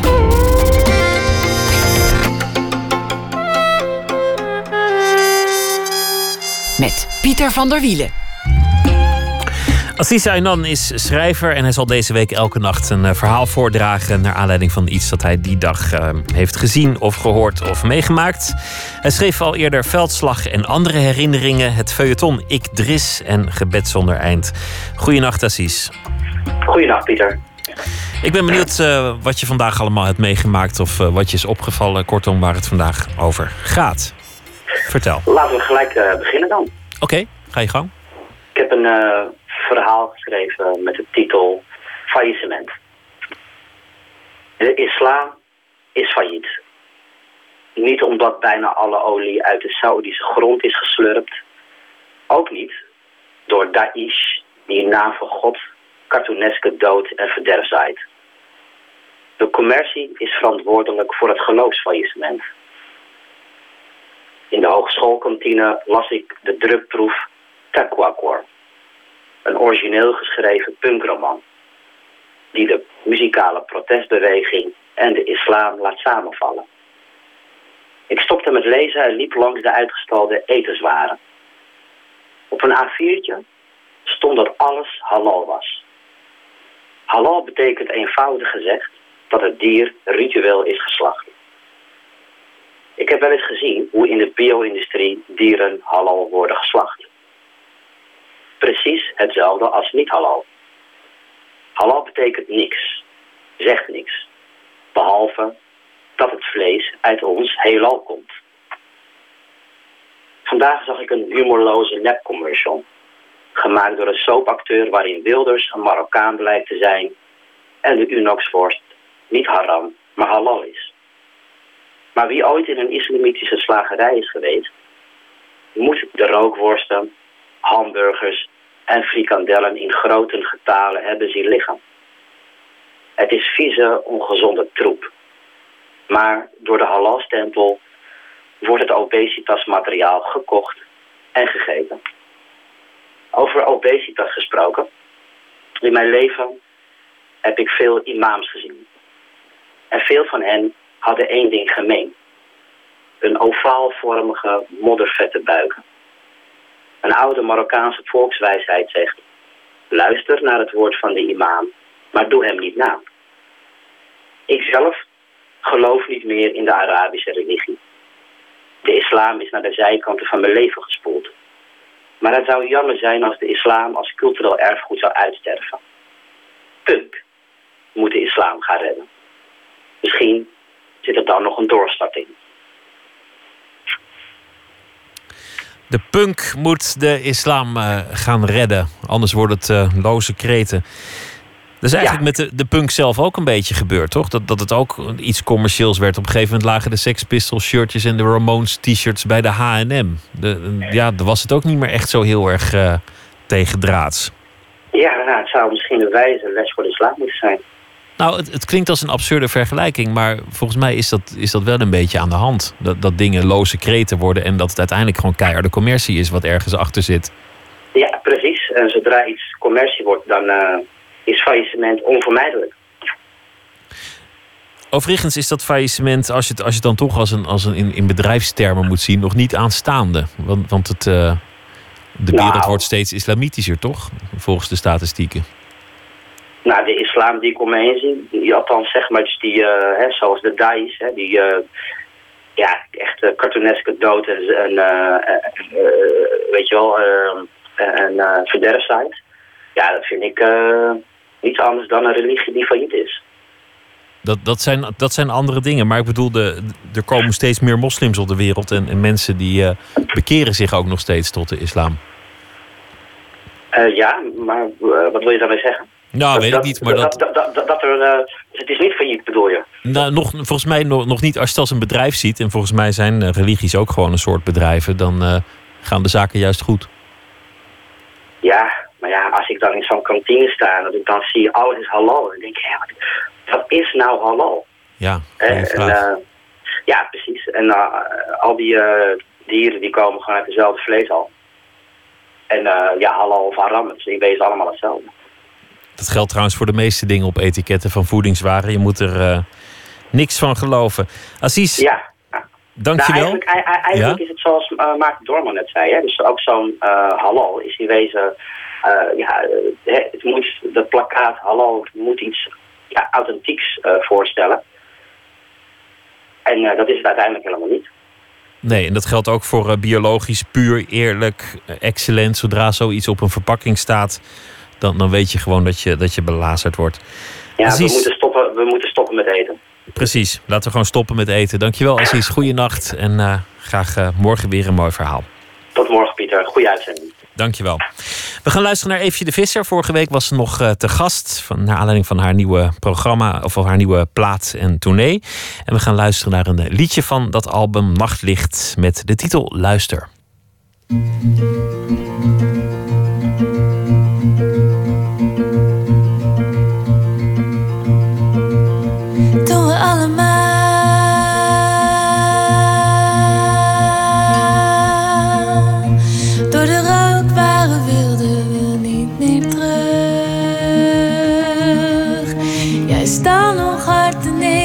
Daar breek ik mijn hoofd nog over. Als ik naast je lig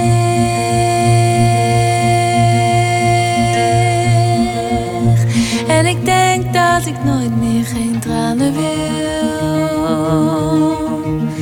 Ik sloeg mijn ogen open, knipperde wat en de lucht leek helder. Dat ik al geloof nu. Als ik schrik van hem, kom ik niet meer zo dichtbij als ik zou willen. Hij wil dat ik luister.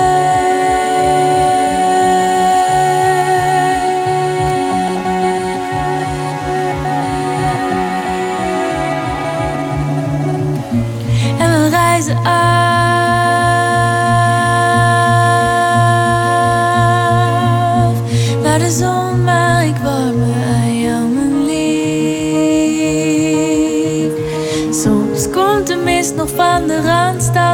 was uit mijn hoofd in. We hebben tijd, ik probeer het. Ik kan je huis uit willen rennen, ik kan zo ver weg willen zijn. Ik wil dat ik naar je luister.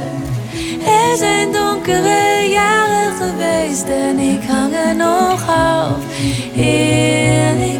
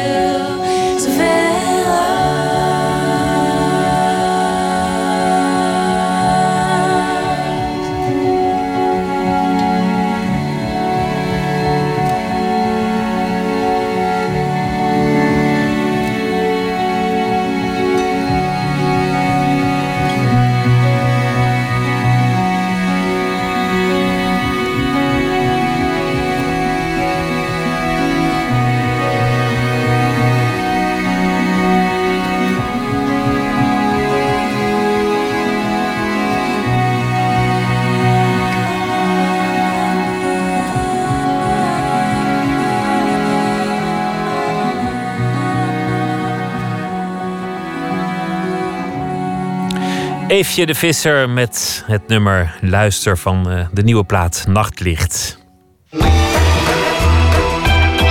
Nooit meer slapen. Kunstenaar Oulai werd wereldberoemd met de soms levensgevaarlijke performancekunst die hij uitvoerde met zijn toenmalige partner Marina Abramovic. Daarnaast maakte hij al sinds de jaren 70 Polaroid-foto's tot het bedrijf ermee stopte dat instantfoto's nog te produceren. En dat allemaal tot groot verdriet van Oulai en andere liefhebbers van de Polaroid over de hele wereld. En Nicolaou die spreekt de kunstenaar in het Nederlands Fotomuseum in Rotterdam, waar hij momenteel een tentoonstelling heeft ingericht met zijn foto's. En ze bezocht ook de oude fabriek van Polaroid in Enschede, waar de instantfoto's inmiddels weer van de lopende band rollen. Het is eigenlijk zoals een tekening of een schilderij. Dat is er maar één van hetzelfde. Wat natuurlijk ook een kick is. Polaroid. In de jaren 70 was het bijkans een wonder. En eigenlijk is het dat nu nog steeds wel een beetje.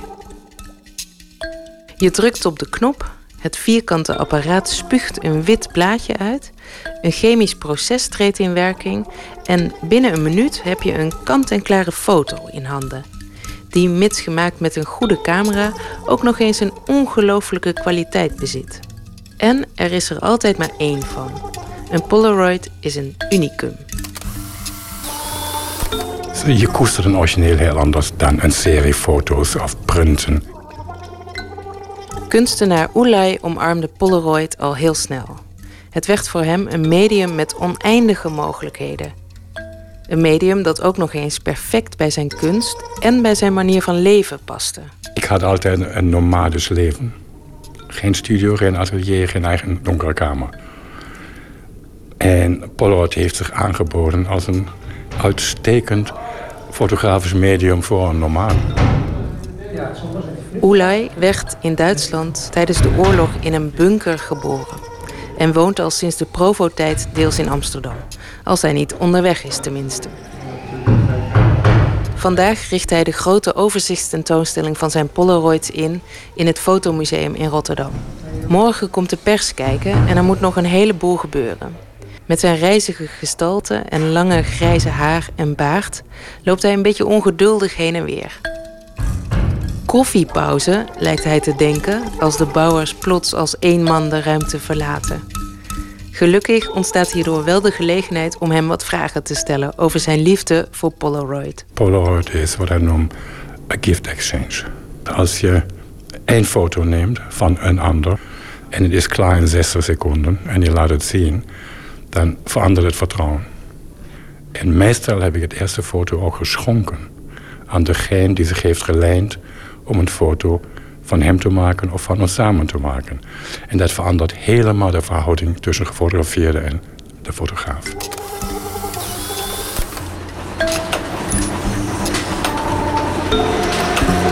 In Enschede staat de oude Polaroid-fabriek. Nadat Polaroid daar stopte met de productie van hun fotomateriaal, kocht een nieuw bedrijf een deel van het pand op om precies dat te doen wat Polaroid er altijd al deed. Namelijk filmmateriaal produceren. In de hoogtijdagen van Polaroid uh, ja, werken hier in Enschede duizend uh, werknemers. Ik word er rondgeleid door Dick Lemmens. Ik uh, ben begonnen als process engineer en langzaam opgeklommen naar ja, manager van, een, van de, de, afdeling engineering. Hij gaat over het reilen en zeilen in de nieuwe fabriek. Maar hij begon als broekie al bij Polaroid. Hij werkte daar 21 jaar. Dit zijn uh, de machines die ook toen destijds zijn ontworpen en die zijn ook gebouwd door, door Polaroid. Dus de stam, die zijn gemaakt en ontworpen in de jaren 70. nou, je ziet inderdaad ook de techniek is daar natuurlijk naar. Hè. Dus het is ja, toch, toch wel verouderde techniek. Maar de machines zijn toen destijds zo degelijk uitgevoerd ja, dat ze eigenlijk nog steeds draaien. Hè. Je bent nu inderdaad dan, dan, dan, dan 40, 50 jaar later en ze draaien nog steeds. Oh, daar gaat hij. Gaat niet helemaal goed. We proberen inderdaad nu een machine op te starten. Uh, normaal gesproken is deze ruimte dus ook echt helemaal donker. Hè? Dus je kunt je ook voorstellen dat uh, ja, als een operator hier uh, een probleem moet verhelpen... dan moet hij wel weten waar hij het moet zoeken en wat hij er moet doen. je ziet inderdaad hier allemaal die, die units en dat klapt en dat, dat, dat, dat blaast en je hoort van alles. Ja, en in het donker moet je inderdaad dan hier op je tas moet je, de probleem oplossen. Ja, in donker ja, zeg maar. Als een, zeg maar, een, een, een stap komt, zeg maar, gaan we hier naar binnen, zeg maar, en dan gaan we alles in donker clearen. Hoe doe je dat dan? Op gevoel allemaal, hè. Alles is op gevoel. Ja, dus als je zie al zo lang werkt, zeg maar, dan, uh, ja, dan gaat het allemaal automatisch. Uh, Oké, okay, handjes weg. Handjes weg. Ga draaien. Ja. Polaroid werd in de late jaren 30 ontwikkeld door de Amerikaan Edwin Land. En nadat in de jaren 70 een consumentencamera op de markt kwam, werd Polaroid immens populair. In de fabriek in Enschede rolden 35 jaar lang miljoenen pakjes instant fotomateriaal van de lopende band. Meer dan 200 miljoen Polaroid-camera's zijn er wereldwijd verkocht. Kunstenaar Oelai moet zijn eerste Polaroid al vastgehad hebben in 1969. Ja, ik denk dat was in 1969 in Amsterdam. Uh, het was een hele lullige camera eigenlijk. Want Polaroid heeft heel veel camera's gemaakt voor een huistuin uh, gebruik voor amateurs. Hm. Al snel werd Polaroid ontdekt door kunstenaars en Polaroid omarmde hen ook. In ruil voor kunstwerken mochten ze gratis en onbeperkt gebruik maken van hun fotomateriaal. Voor Oelai werd Polaroid pas echt interessant toen het bedrijf ook grotere formaten mogelijk ging maken. Dr. Edwin Land, de uitvinder, die heeft zijn product altijd voor heel serieus genomen. Die is dan ook vroeg begonnen om grotere formaten te maken. Uh, en dan is hij op 8 bij 10 inch, dat is 20, 25 centimeter gegaan, kleur. En toen was dat nog niet genoeg, want hij wist... Oh, dat is lang niet alles, Polaroid kan nog veel meer. Polaroid maakte een camera waarmee meer dan 2 meter lange foto's gemaakt konden worden. Uitvinder Lent wilde er het plafond van de Sixtijnse kapel mee vast kunnen leggen. Er werd een gigantische camera voor ontwikkeld, die na gebruik naar een museum in Boston werd overgebracht. Achter de, de afdeling Oud-Egypte met mummies hadden ze een ruimte, wat Polaroid als studio heeft omgebouwd, was ongeveer 8 bij 10 meter, zoiets. En daar hebben ze die camera weer ingebouwd. Maar daar hebben ze toen een zwarte doos van, een camera obscura eigenlijk, een zwarte doos van gemaakt. Die was ongeveer 3,50 meter bij 3 meter. En binnenin stonden uh, twee uh, technici die in de camera, die de hele, uh, de hele techniek bediend hebben. Oelai stapte letterlijk in die camera.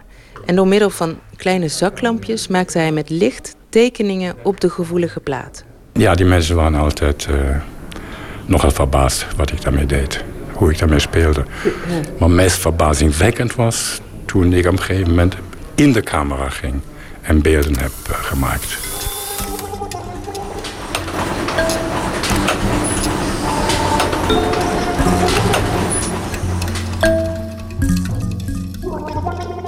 In 2008 stopte Polaroid met het fabriceren van het product waar het zo beroemd mee is geworden. Oelai was er niet blij mee. Nou, het was heel, heel triest, want ik denk, ik weet niet meer. eh, Polaroid ging gewoon failliet. En dat was heel triest, maar het was ook niet verbazingwekkend, want Polaroid heeft gewoon eh, genegeerd om over te stappen op digitaal. En de digitale heeft dus menig de foto-industrie eh, de eh, nek omgedraaid. Dick Lemmens herinnert zich het einde van de fabriek in Enschede nog heel goed. Ja, dat, eh, dat weet ik nog wel. Ja, ja. Dus natuurlijk, eh, uiteraard, natuurlijk, je hebt een, eh, ja, tw- 20, eh, ruim 20 jaar bij een bedrijf gewerkt. Dus dat was best wel heel emotioneel. En je hebt hier altijd ook prettig gewerkt. Hè? En ja, je moest na 20 jaar moest je dan het bedrijf ja, verlaten. Dus het was best wel, best wel lastig en moeilijk. Ja, ja. Eh, op het allerlaatste moment heeft Polaroid nog wel wat pogingen gedaan... Hè, om, eh, eh, om ook de digitale kant op te gaan. Alleen ja, ze waren daar gewoon veel te laat voor. De Polaroid-fabriek ging dicht. Niet alleen tot groot verdriet van Lemmens en Oelai, maar ook tot verdriet van fans wereldwijd. Al tijdens het afscheidsfeest gloorde er echter hoop. The Impossible Project ontstond, dankzij twee mannen. Oud-werknemer André Bosman en de Oostenrijkse ondernemer Florian Kaps. tijdens het, eh, het sluitingsfeest van, eh, van hier op de, de, de site hier in Enschede, dat eh, Florian Kaps in gesprek kwam met, met André Bosman. En nou, die hebben toen tijdens die, dat sluitingsfeest van Polaroid, hebben ze toen de plannen gesmeed om een onderzoek te, te starten om, ja, om, om, om, zeg maar het bedrijf weer nieuw leven in te blazen. Hè, om de in, instantfotografie weer nieuw leven in te blazen. Het werd de mannen zwaar afgeraden. Niet in de laatste plaats door Polaroid zelf. Onmogelijk. Kan niet. Onmogelijk. Niet doen. Onmogelijk. Nou, zo is eigenlijk eh, de Impossible Project, eh, de, de naam ontstaan. Als een geuzennaam. Als een geuzennaam. Ja, precies, precies. Ja. Bosman en Kaps zochten investeerders, maakten een businessplan en namen een deel van de oude fabriek over.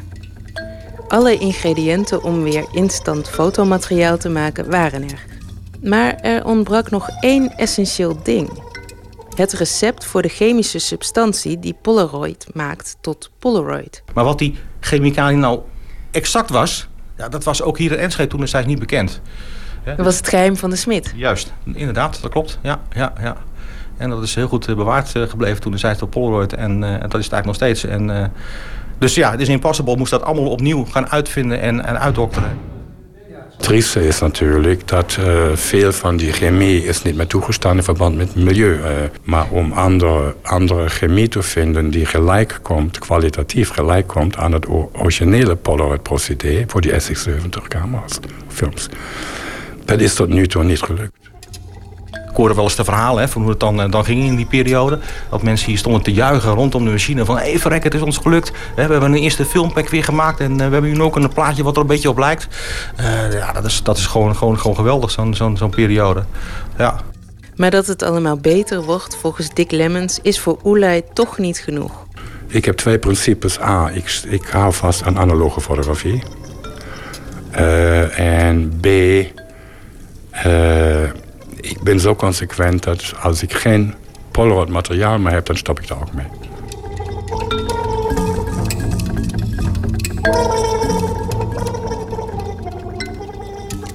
De kleine en levensgrote Polaroids zijn vanaf zaterdag te zien in Rotterdam in het Nederlands Fotomuseum. En Nicolaou was dat in gesprek met Oelai en met Dick Lemmens van The Impossible Project. Ze verkopen daar inmiddels volop oude camera's en nieuw fotomateriaal in alle formaten en kleuren. Het was 1930 en toen nam eh, zangeres Gishi Wiley het nummer Last Kind Words op. Een prachtig nummer dat sindsdien een standaard is en door heel veel anderen uitgevoerd. Onlangs nog bijvoorbeeld door de Amerikaanse zangeres Rhiannon Giddens. Aanstaande zaterdag is zij te beluisteren in Amsterdam in de North Sea Jazz Club. We gaan luisteren naar Last Kind Words in de uitvoering van Giddens.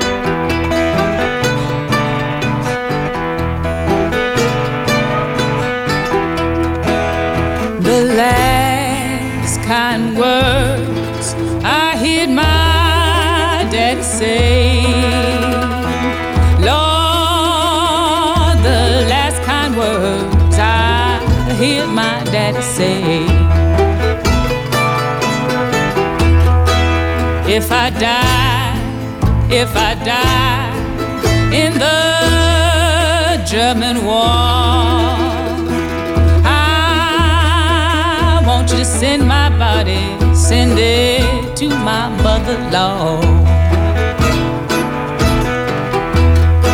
If I get killed, if I get killed,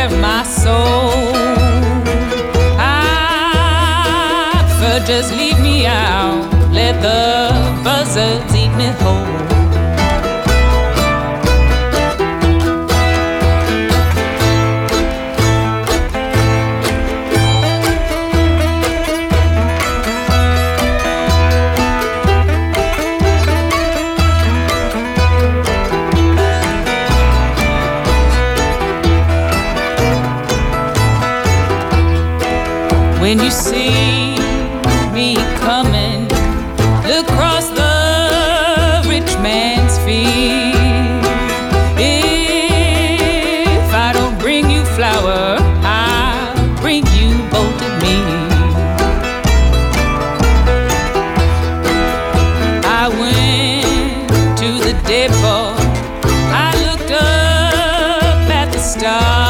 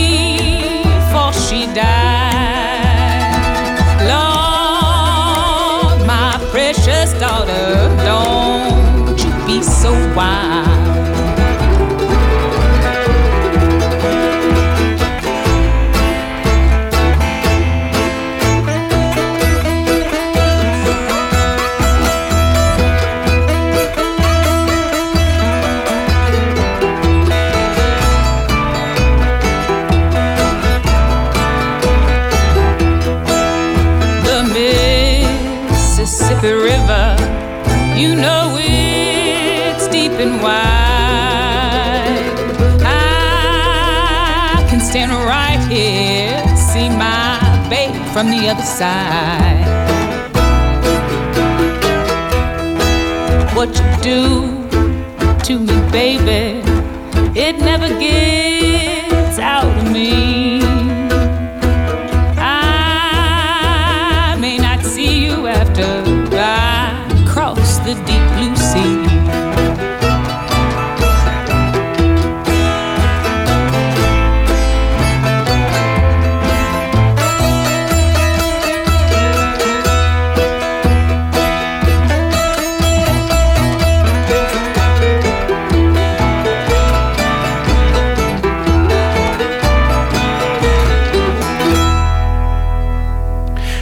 Rhiannon Giddens met haar uitvoering van Last Kind Words. Zaterdag te zien in Amsterdam in de North Sea Jazz Club. Open kaart. De rubriek werkt als volgt. Een eh, bak met kaarten met op elke kaart een vraag en een gast die een kaart trekt. En de vraag hopelijk ook beantwoordt. Stefan Sanders is eh, de gast. Columnist, essayist, schrijver, presentator. Schrijft voor eh, Vrij Nederland, de Volkskrant, NRC Handelsblad. Ook radiopresentator. En hij eh, zal vanaf maandag een programma presenteren met als titel Brainwash Radio. Of radio, gewoon Nederlands hè, denk ik. Radio, Brainwash Radio, ja hoor. Een maandelijks programma op dezezelfde zender. En hij zal daarin eh, filosofen, wetenschappers, schrijvers en zelfs komieken ontvangen. Welkom, eh, Stefan. Vertel eerst even iets over het eh, programma. Wat, wat, ga, wat ga je doen? Het wordt een actualiteitsanalyse. Het gaat over actualiteiten dus. Met drie mensen, drie gasten. En die gaan nou eens niet alleen maar meningen vertellen. En ja en nee roepen. En pro- of anti-islam. Maar die gaan proberen die actualiteit, waar het mee begint. eh, iets te vertellen over die actualiteit naar aanleiding van een verhaal. Een verhaal wat je gewoon vijf minuten kan aanluisteren. En waar ik niet doorheen ga kwekken. Dus iemand gaat gewoon een verhaal vertellen naar aanleiding van de actualiteit. Van misschien wel vijf minuten, zomaar, zonder muziek. En dan gaan wij daarna met z'n drieën praten over de actualiteit en het verhaal wat je daarna hebt gehoord. En wat je dan kan doen is hopelijk dat je de actualiteit, dat je het verhaal wat achter en onder de actualiteit ligt, misschien wel de filosofie of de, wat het dan ook is, dat je de actualiteit even wat breder maakt dan alleen maar de heiligheid van en het is nu en ik ben tegen, ik ben voor en enzovoort. Dus iemand kan ook een redenering afmaken. Dat is altijd heel fijn. Nou ja, dat zou ik hopen, ja. Dat zou ik toch wel heel prettig vinden, ja. En misschien zelfs een, een, een drietrapsredenering. Als Mijn- dit, dan dat, dan volgt eruit, et Bijna een Franse redenering. Hè? Eh, première thèse, deuxième thèse, troisième thèse. Het is natuurlijk ook een hele elitaire eh, rubriek hè, die wij gaan eh, doen. Nou, vijf minuten, dat, dat valt nog relatief mee. Nee, natuurlijk. Jullie doen niet anders. Ik bedoel, eh, als ik even terug mag slijmen. Nooit meer slapen is natuurlijk ook dat je mag uitpraten. En dat is natuurlijk ook een groot goed. En dat gebeurt veel te weinig, vind ik, op de radio. Want wat is er nou leuker op de radio dan iemand die een verhaal mag vertellen? En niet de hele tijd zo'n snappende journalist die in de reden valt.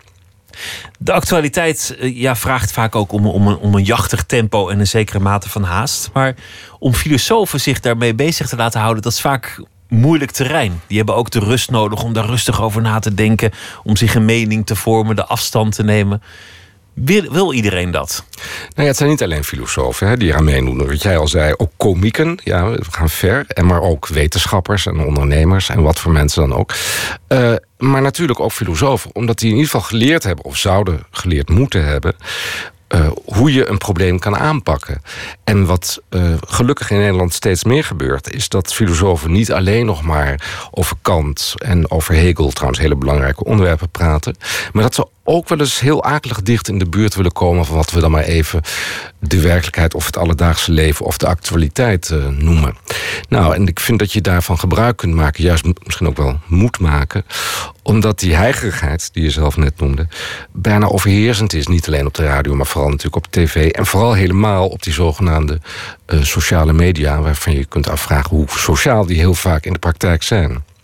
Het moeilijke is dat als eh, mensen niet de rust nemen om, om goed de definities te bepalen, dat mensen hun stelling betrekken. Dat zie je ook. Heel veel debatten escaleren. Het Zwarte Piet-debat was daarvan een, een berucht voorbeeld.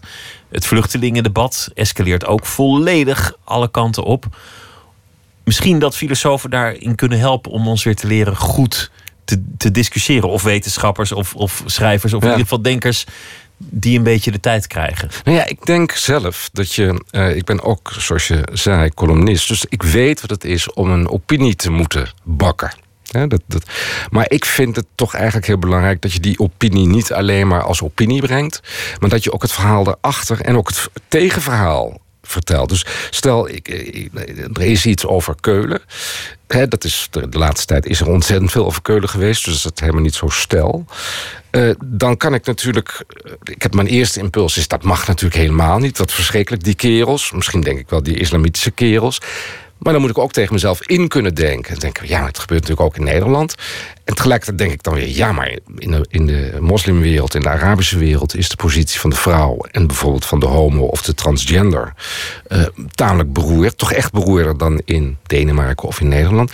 En zo krijg je als het ware in tegenspraak met jezelf niet zozeer een opinie, als wel een, een afweging, een dilemma. En uiteindelijk kan je dan een oordeel geven. Nou, dat, dat kost gewoon iets meer dan alleen maar ja, nee, voor, tegen. En dat hoop ik, dat dat gesprek, want dat is het eigenlijk, het gesprek met jezelf, maar ook het gesprek met die drie gasten, dat dat gesprek, dat verhalende gesprek, gevoerd kan worden. Weet je al wat er maandag in het programma zit? Afhankelijk van de actualiteit. Het is natuurlijk een beetje afhankelijk van de actualiteit. Maar het zou mij niet verbazen als bijvoorbeeld Keulen eh, toch nog eens een keer voorbij kwam. Eh, ik heb begrepen dat er waarschijnlijk, want dat is ook heel eigenaardig. Er zijn ehm, ontzettend veel depressiefestivals eh, dit, deze week in Amsterdam. Ik had het genoegen om op twee depressiefestivals te mogen spreken deze week. Eén op maandag van eh in Frascati. De grote depressieve kutavond heette dat. Het was heel vrolijk. Vanwege Blue Monday waarschijnlijk ja, ook. en het waren allemaal twintigers en die waren allemaal helemaal... eh, nou, het was echt wel ja, ze waren heel erg, eigenlijk heel vrolijk. Maar dus ook zwaar kut, zoals ze zelf dat uh, noemden. En daarna ben ik uh, woensdag nog naar Frascati geweest. En dat ging ook weer over twintigers tussen dip en depressie. Nou, dat is ik, een heel gek fenomeen natuurlijk. Dat dat ineens zo ontzettend veel mensen trekt. Dat zijn dus allemaal twintigers. Die zijn toch echt een stuk jonger dan, dan ik ben in ieder geval. Die hele zaal zit vol. 400 man. Ik denk depressie, allemaal toch tamelijk vrolijke jongelui. En dat je ook uitgaat, want ik associeer depressie ook heel erg met thuisblijven. Ja, want als je echt depressief bent, dan ga je echt niet naar een festival, bijvoorbeeld. Maar wat je wel ziet, is een enorme honger naar um, ja, zingeving. Dat is een rotwoord, maar betekenisgeving. Hè? Dat laten we het daarop houden. Betekenisgeving. En dus ontsnappen aan die hele snelle directe mening. Dit, dit programma wat we nu gaan maken, dat heet Brainwash. Dat is ook in combinatie met Brainwash Festival. Dat is zo'n festival, een, een, denkfestival voor jonge denkers. In ieder geval voor, voor, voor jongere mensen, zo 20, 30. Die zeggen, goh, heel veel vragen zijn eigenlijk veel te groot om aan politici of aan economen over te laten. Laten we ook eens dichters, kunstwetenschappers, filosofen, uh, technici, uh, natuurkundigen horen. En, en dat verlangen, dat is eigenlijk tamelijk groot als je naar die festivals kijkt. En ook als je naar zo'n depressieavond kijkt, of die twee avonden. En daar gebeurt eigenlijk heel weinig mee, vind ik, in de reguliere media genoeg werk te doen. Vanaf maandag uh, het uh, radioprogramma Brainwash, Brainwash Radio. Hier is de kaartenbak. Trek alsjeblieft een kaart. En uh, ja, ik hoop dat er een leuke vraag op staat. Ja, dat hoop ik ook. Even kijken. Ja, Nooit meer slapen staat hier. Maar dat is de achterkant, ja. Wat is de mooiste plek op aarde? Nou, dat is wel een mooie vraag. Ja. Heb je hem al gevonden? Ja, ik twijfel tussen. Er zijn twee plekken die meteen in mijn hoofd schieten. Ik ben uh, uh, een ouderwetse Europeaan. Dus mijn eerste gedachte is eigenlijk gewoon Cap Ferrat. Dus aan de Côte. niet zo ver van Nice. Uh, echt, echt een fijne plek. Ik bedoel, dat is paradijselijk. Prachtig. Ja, en maar ook goede omgeving, fijne restaurants, uh, zee niet te wild. Alles goed. Bergen niet te hoog. Fijn klimaat. echt, gewoon alles goed. Tweede plek is um, Kaapstad. omdat ik daar een, nou, gewoon een hele gelukkige tijd heb beleefd een paar keer. En, en ik heb zelden gehad dat ik het gevoel had dat je in een nieuw land komt. Eh, ik ben daar geloof ik voor het eerst geweest in 1995. Dus echt net na de apartheid. En dat je dat fantastische uh, Afrikaans hoort. En dat er dus heel veel mensen zijn die dus, zoals dan heet, uh, ons is kleurling. Hè? Dus wij zijn kleurlingen. Die er dus zo uitzien, een beetje zoals ik. En die dus allemaal een taal spreken die ook verdomd veel lijkt op de taal die ik spreek. En dan ook nog eens een keer die tafelberg en die twee oceanen. En dan nog eens een keer dat fijne klimaat. En die wijnboerderijen. Nou ja, ja. Maar het was ook een beetje een gevoel van thuiskomen op een gekke manier. Ja, maar Want je bent beetje... opgegroeid in Almelo. Je roots nou, liggen niet in Almelo. Elders. In, nou, het is wel Twente, maar niet alles Oh. in Twente heet Almelo. Oké, okay, sorry. Ik dacht dat het Almelo nee, was. sorry. Maar... Maar dat, nou, dat is helemaal niet erg. Maar het was in Denenkamp, wat nog veel kleiner is. Daar ben ik opgegroeid. maar jouw roots liggen ingewikkelder. En je, je komt daar in Kaapstad nooit geweest. En toch voel je iets ergens van... hé, hey, ik voel me hier thuis. Ja, de eerste keer dat ik er kwam, dacht ik... hé, hey, ik voel me er thuis. En toen kwamen de kleurling mensen naar me toe, zoals dat dan heet daar. Bruin mensen. En toen had ik nog uh, mijn haar, en dat was uh, kroes. Hè, dus toen was het ook wat evidenter dat ik uh, gemengd ben. En die zei, ons, ons ken jou juist van hier. En ik zei, wel nee, ik ben helemaal niet van hier. Ik ben van Nederland. En ik dacht toen nog dat mijn biologische vader uit Jamaica kwam. Dus ik zei, nee, dat is echt een heel eind uit de richting. Uh, en twee jaar later kreeg ik van mijn biologische moeder, die in, waar ik verder geen contact meer mee heb, maar die schreef me toen een heel kort kaartje en zei: Sorry, ik heb het eigenlijk altijd verkeerd gezegd. Ik was toen al bijna 40. Maar jouw biologische vader is geen Jamaicaan, maar een Zuid-Afrikaan. Een, een kleurlingman, een bruinman uit Kaapstad. Dus toen dacht ik: Ja, nou kijk, er bestaat dat een gevoel, God. Dat nou ja, er bestaat dus. een God. Ik, ik dacht: Nou, dat is eigenlijk heel erg mooi. Dit is nou precies wat ik graag wil. Dus uh, ja. Bijzonder. Wil je nog een kaart trekken? Ja, dat ga ik doen. Uh, welk buitenlands gebruik of welke traditie zou je willen overnemen? Oh, mooie vraag ook trouwens. Oeh, Isaiah. Eens even kijken. De Fruit Mer van Cap Ferrat om te beginnen. dat vind ik al een Zo hele vers, goeie. ja. Ja, eh, ik denk wat ik toch eigenlijk het allerleukste vind... en dat associeer ik als Nederlander natuurlijk meteen met zuidelijke Europese landen. Maar het zal ook wel elders in de wereld gebeuren. Maar bijvoorbeeld in Spanje. eh, ja, Spanje is misschien wel het mooiste voorbeeld. En dan niet al te duur dorp of stadje. Liefst in een stad echt. Dat de vrouwen en de mannen rond een uur of eh, acht 's avonds allemaal in toch tamelijk goede kleren, nette kleren, net uit de wasmachine, met hun kinderen en hun kleinkinderen gaan wandelen langs het strand. Flaneren. Flaneren. En dat gewoon een uur lang doen. Gewoon op en neer en op en neer. En iedere keer natuurlijk dezelfde mensen tegenkomend. Maar dat toch iedere keer weer een groot feest vinden. En zeker in het weekend. En daarna rond een uur of elf. Gewoon met die kinderen van drie of vier jaar. Enorm gaan eten. Tot een uur of één, twee s'nachts. En dan toch weer de volgende dag op. Ik bedoel, ik vind dat eigenlijk van een, van een levenslust. Dat, ja, dat, Ik vind dat ook prachtig. Ja. nu in januari in je kraag gedoken, snel eh, op je doel af. Hoeft het even niet, wat Nee, mij betreft. nee. Niet hier met Nee. dit klimaat. Maar vanaf april moeten we gewoon Ja. in Nederland ook gaan flaneren. Moeten wij ook maar doen, hè? Dan maar een bondmutsje extra. Oh, nou, band, bond mag nou juist weer niet. Nou ja, dan Nou ja, maar een een- extra mutsje. een ja, dat kan. Ja, precies. Pak nog een kaartje. Ja, ga ik doen. Even kijken. Ha. Welke rol had je als kind in het gezin? Ja, je, je zei er net al iets over. Dat, dat je eh, je achtergrond niet helemaal kende. Nee. Opgegroeid in Twente. Ja, eh, door mijn ouders, die me dan geadopteerd hebben. Maar dat zijn natuurlijk mijn ouders, want ik, ik weet niets van die adoptie. Zo heet ik ook Sanders. Maar ze hadden eigenlijk daarvoor twee, eerder twee kinderen gepleegd uit Indonesië. Die moesten weer terug naar een biologische moeder. Daarvoor hadden ze nog een Nederlandse jongen geprobeerd te adop- adopteren. Maar die bleek werkelijk krankzinnig. Dus die moest naar het gesticht. En daarna hebben ze mij geadopteerd en daarna mijn zusje. Eh, ik geloof dat de rol die ik had als kind, het voorbeeldkind. ik, gel- ik, ik wilde gewoon heel erg bewijzen dat een adoptiekind net zo leuk was, eigenlijk nog veel leuker was dan een eh, biologisch kind, wat ook wel vaak een echt kind wordt genoemd. Wat natuurlijk raar is voor eh, iemand die geadopteerd is, want dan denk je, ben ik dan niet echt? Maar ik, Dus, ja. ik neem aan dat dat onderwerp, want, want dat is een beetje een soort afspraak, kan ik me voorstellen, nooit viel adoptie. Dat dat een soort heilige afspraak is van je bent ons kind en, en jullie zijn mijn ouders en, en dat dat, dat, dat A-woord Ja. Nooit viel. Dat heb je goed gevoeld, ja. Maar goed, andere kinderen zeggen dat natuurlijk wel heel veel tegen je. Van ja, maar je bent helemaal niet echt. Of je bent niet echt van ze. Of je bent, nou ja, zo. En dat is ook niet erg, want in zekere zin voel je je ook wel uitverkoren. Dat je denkt, ja, iedereen kan zomaar eh, geboren worden uit zijn moeder. Maar ik, ik ben natuurlijk dus eh, heel speciaal uitgekozen. Maar ik denk, eh, als ik achteraf terugkijk, dat dat voorbeeldkind, eh, wat ik wilde zijn, met die voorbeeldmoeder, want ik had ook een moeder die ook weer zo voorbeeldig leuk moeder wilde zijn voor mij, en dat ook was trouwens, dat dat misschien achteraf wel wat minder had gekund en dat het ook bijvoorbeeld mijn zusje wel wat heeft bekneld. Eh, en ook mijn vader wat heeft bekneld. Omdat wij, mijn moeder en ik, wel heel erg het podium opeisten om deze grote adoptieshow op eh, het toneel te zetten.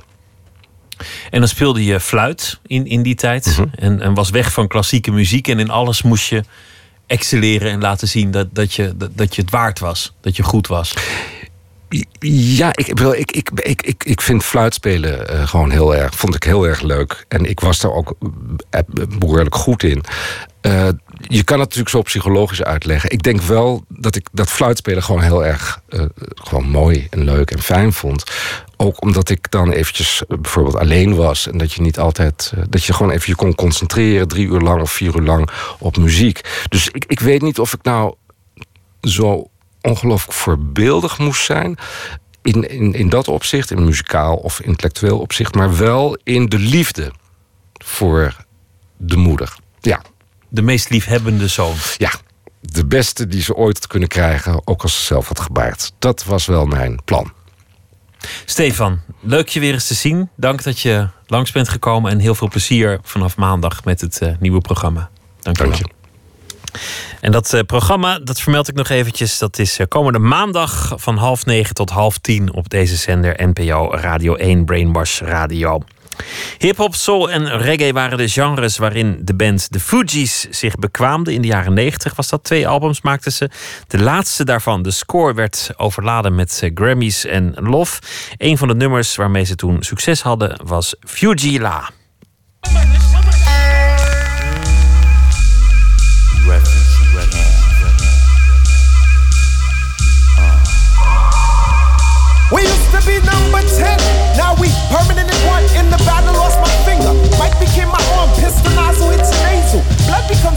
tell them, come on, bit easy now, squeeze this shaman. Test why cleft, see that flesh get scorned. Beat so bad, make you feel like you ain't wanting to be born, John. Tell your friends, stay the hell out of my lord. Chicken George became dead George, stealing chickens from my farm. Another dead pigeon. You're mafiosis, then I'm bringing on hatred Sicilian. Nobody shoot me, my body's made a hand grenade. Girl bled to death while she was tongue kissing the razor blade. That sounds sick, maybe one day I'll write the horror. Blackula comes to the ghetto. Jackson Acura.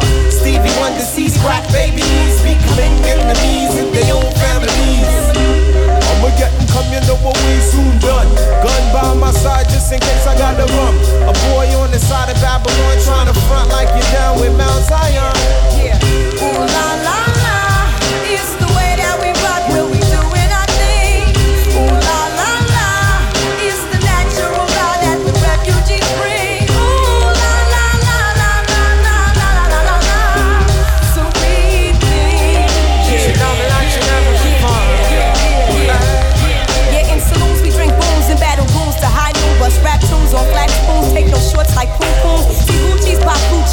Gucci's and Gucci find me in my mix. Take the crew and we don't play play. Say say say like Paul McCartney, not hardly on. Oh, Do you know? I can see right through your bluff. Niggas huffing they puff, but they can't handle us. We bust, cause we fortified. I could never hide. Secretly hot, ride with cold cheese died. I'm twisted, blacklisted by some other Negroes. Don't be moved by polos on the first episode. you shouldn't diss refugees and, and the whole sound set booty and, and respect Jersey cause I'm super fly. When I'm super high on the Fuji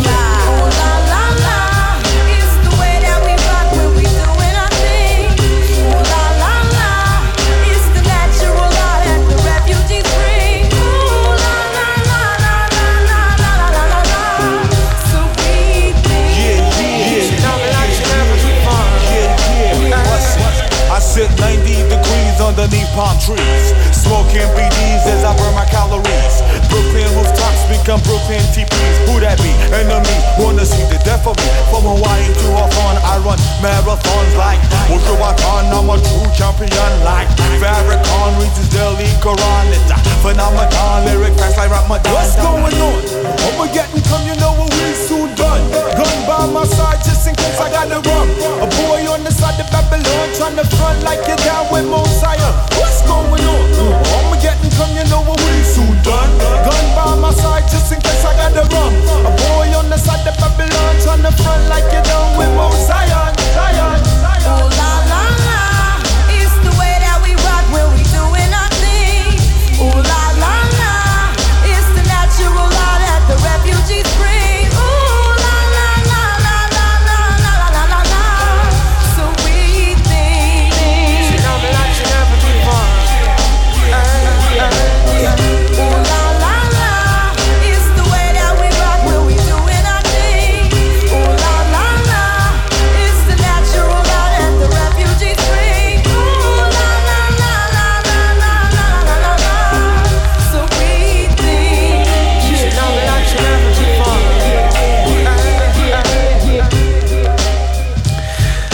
The Fugees in de tijd dat uh, Lauren Hill nog een rol speelde in de soapserie As the World Turns 1996 was het. Nooit meer slapen. Interessante oproep in NRC Handelsblad. Wat zijn de outfits, de kledingstukken, de schoenen en de tassen die de afgelopen 50 jaar een grote rol hebben gespeeld in de Nederlandse mode? Suggesties zijn welkom en wellicht halen ze nog het nieuwe boek ook van modejournalist Milou van Rossum. Met daarin de 100 meest interessante Nederlandse ontwerpen. Botte Jellema is nachtcorrespondent. Botte. Wat moet je dan insturen eigenlijk? Hoe ja, gaat dat? suggesties. Je kan, eh, je kan eigenlijk alles insturen. Want ze, ze maakt dit jaar een boek over de Nederlandse mode. Milou van Rossum. eh, met de honderd stukken die het belangrijkst zijn geweest in de afgelopen 50 jaar. Eh, en of dat nou bestsellers waren. of dat omdat het onderwerp heel, of het ontwerp heel invloedrijk of revolutionair was. Het mag allemaal. De selectie, zei ze, is bijna compleet. Maar er is nog ruimte voor wat suggesties. Nou, dat is natuurlijk interessant. Milou vertelde me dat ze eh, eh, kijkt naar eh, ja, de obscure ontwerpen van courtiers tot bekende ontwerpen en van de G-Star jeans tot aan de Hema onderbroek aan toe. Wat zijn de, de mensen die er sowieso wel in komen? Welke namen zou je toch wel lezen in dat boek? Ja, eh, Niels Klavers, Victor en Rolf, Jan Tamino, eh, Frans Molenaars, Frank, eh, Frank Govers en Von Leng. Nou, dat zijn dan de, de, de grote namen uit de Nederlandse mode natuurlijk. Milou noemt hij. Maar er komt ook confectie in. en dat zijn wat minder bekende namen. Vandaag lichten ze in de krant dan een G-Star spijkerbroek uit dat merk dat kennen we dan misschien wel. Maar dat, er- dat zij een model hebben dat eh, Elwood heet. En eh, dat daarvan in de afgelopen 20 jaar 20 miljoen exemplaren zijn verkocht. Dat is wat minder bekend. Eh, maar dat maakt natuurlijk wel een groot belangrijk deel uit van inmiddels ja, hoe, hoe de mannen eruit zien. Niet allemaal, maar er zijn toch 20 miljoen mannen op de wereld die, Die zo'n zo'n ding hebben. Ik, ik zag de foto's staan in de krant en, en ook de, de vergelijking met de, de natte leren motorbroek. Ja, want daar dat heeft- wist ik niet. Daar heeft de oorspronkelijke bedenker het namelijk van afgeleid. Eh, die zag eh, iemand van een motorfiets afstappen met een eh, leren broek aan die nat was geworden. En die bleef dus een beetje zo in zo'n hoek. Bleef, die, bleef die, die, die, broek staan, zal ik maar zeggen. Die, die, die zit dan in een soort vorm. Nou, die zitvorm, die zie je ook terug in die eh, Elwood, dat Elwood-model. En dan heb je die kenmerkende eh, naden achter de knie eh, zitten. Dus dan krijg je die knieknik in, eh, in het broekmodel automatisch. Nou, Milou die legde me vanavond vanuit Parijs uit... wat ze nou precies voor idee heeft met dat boek. Het is een, ehm, een beschrijving van de Nederlandse mode van de afgelopen 50 jaar aan de hand van 100 kledingstukken. En ik begin in 1965 eigenlijk omdat eh, ik, ik, zie- ik dat dat het moment waarop de mode- moderne Nederlandse mode is geboren. Dat is eigenlijk het moment waarop Avenue voor het eerst verscheen. En ik dacht, dat heeft echt iets veranderd in Nederland. Het was vorig jaar 2015, dus ik dacht, het is ook 50 jaar geleden.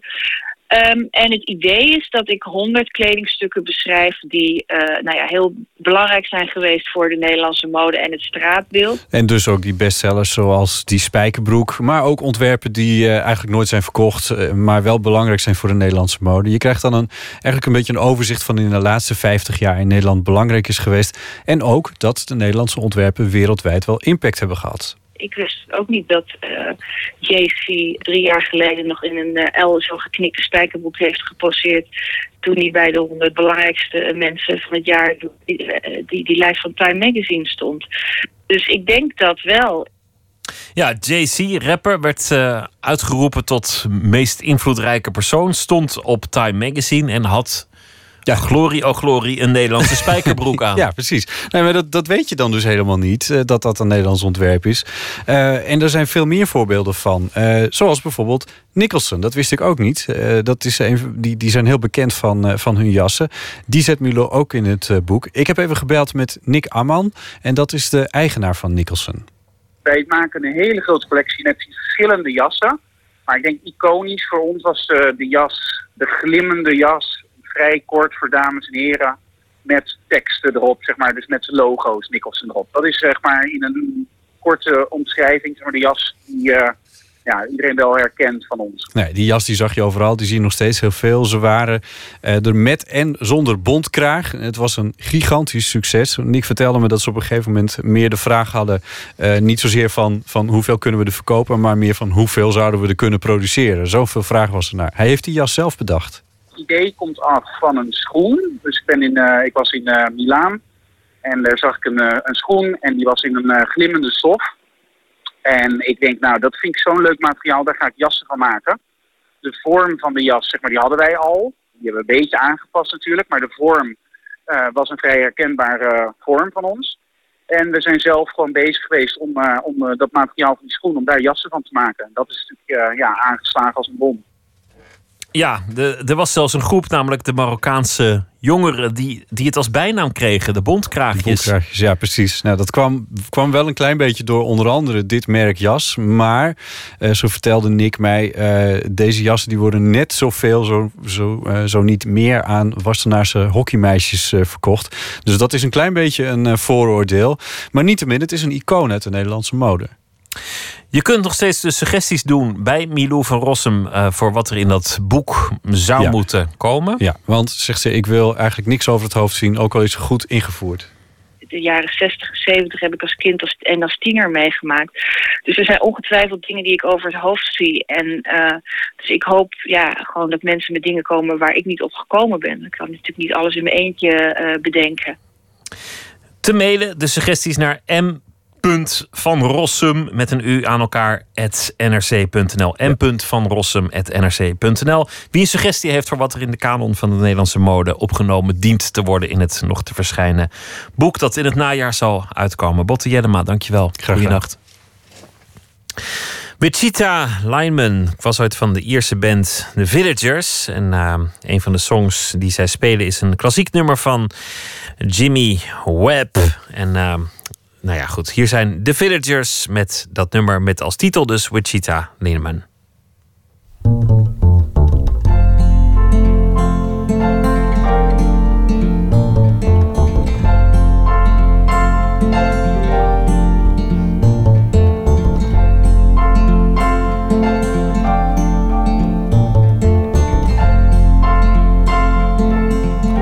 I am the lineman of the county,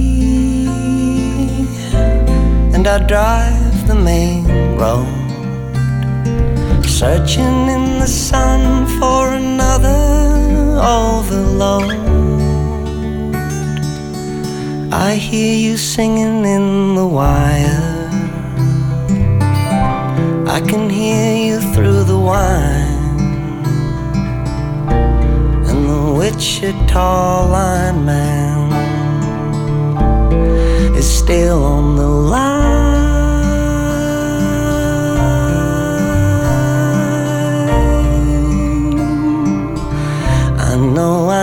A small vacation,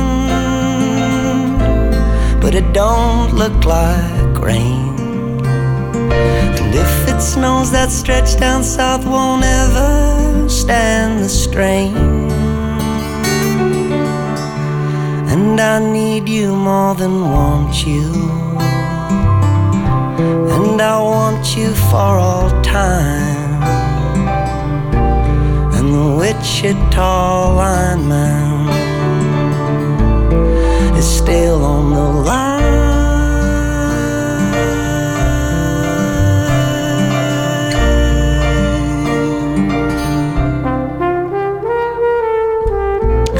Wichita Lineman, dus niet een lid van de, de band The Villagers, zoals ik eh, net zei. Klopt allemaal niks van. Het is een eh, nummer ooit van eh, Rhinestone Cowboy Glenn Campbell. En het gaat over een eenzame elektricien die aan de draden van een uitgestrekte vlakte vol telefoonpalen sleutelt. Dit keer in de uitvoering van The Villagers. We sluiten af met eh, poëzie. Deze week de keuze van Henry Sepers, schrijver en dichter. En hij koos vannacht voor een eh, gedicht van hemzelf.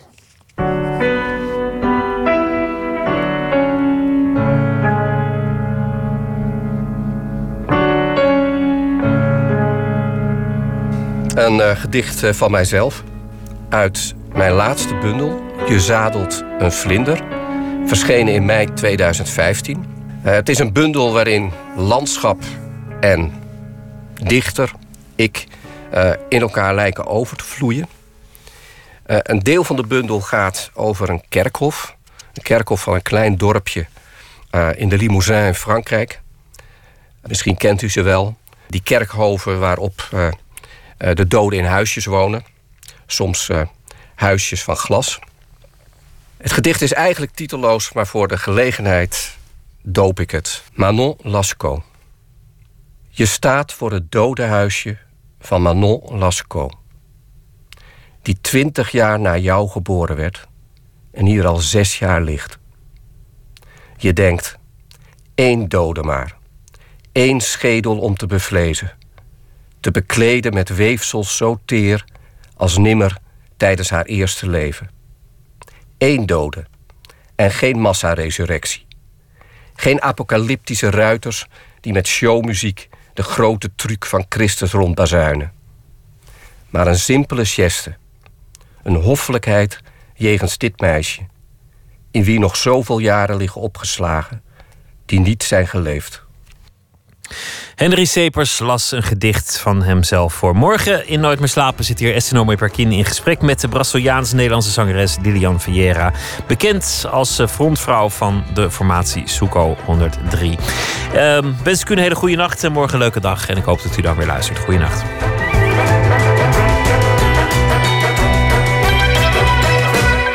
Op Radio 1, het nieuws van alle kanten.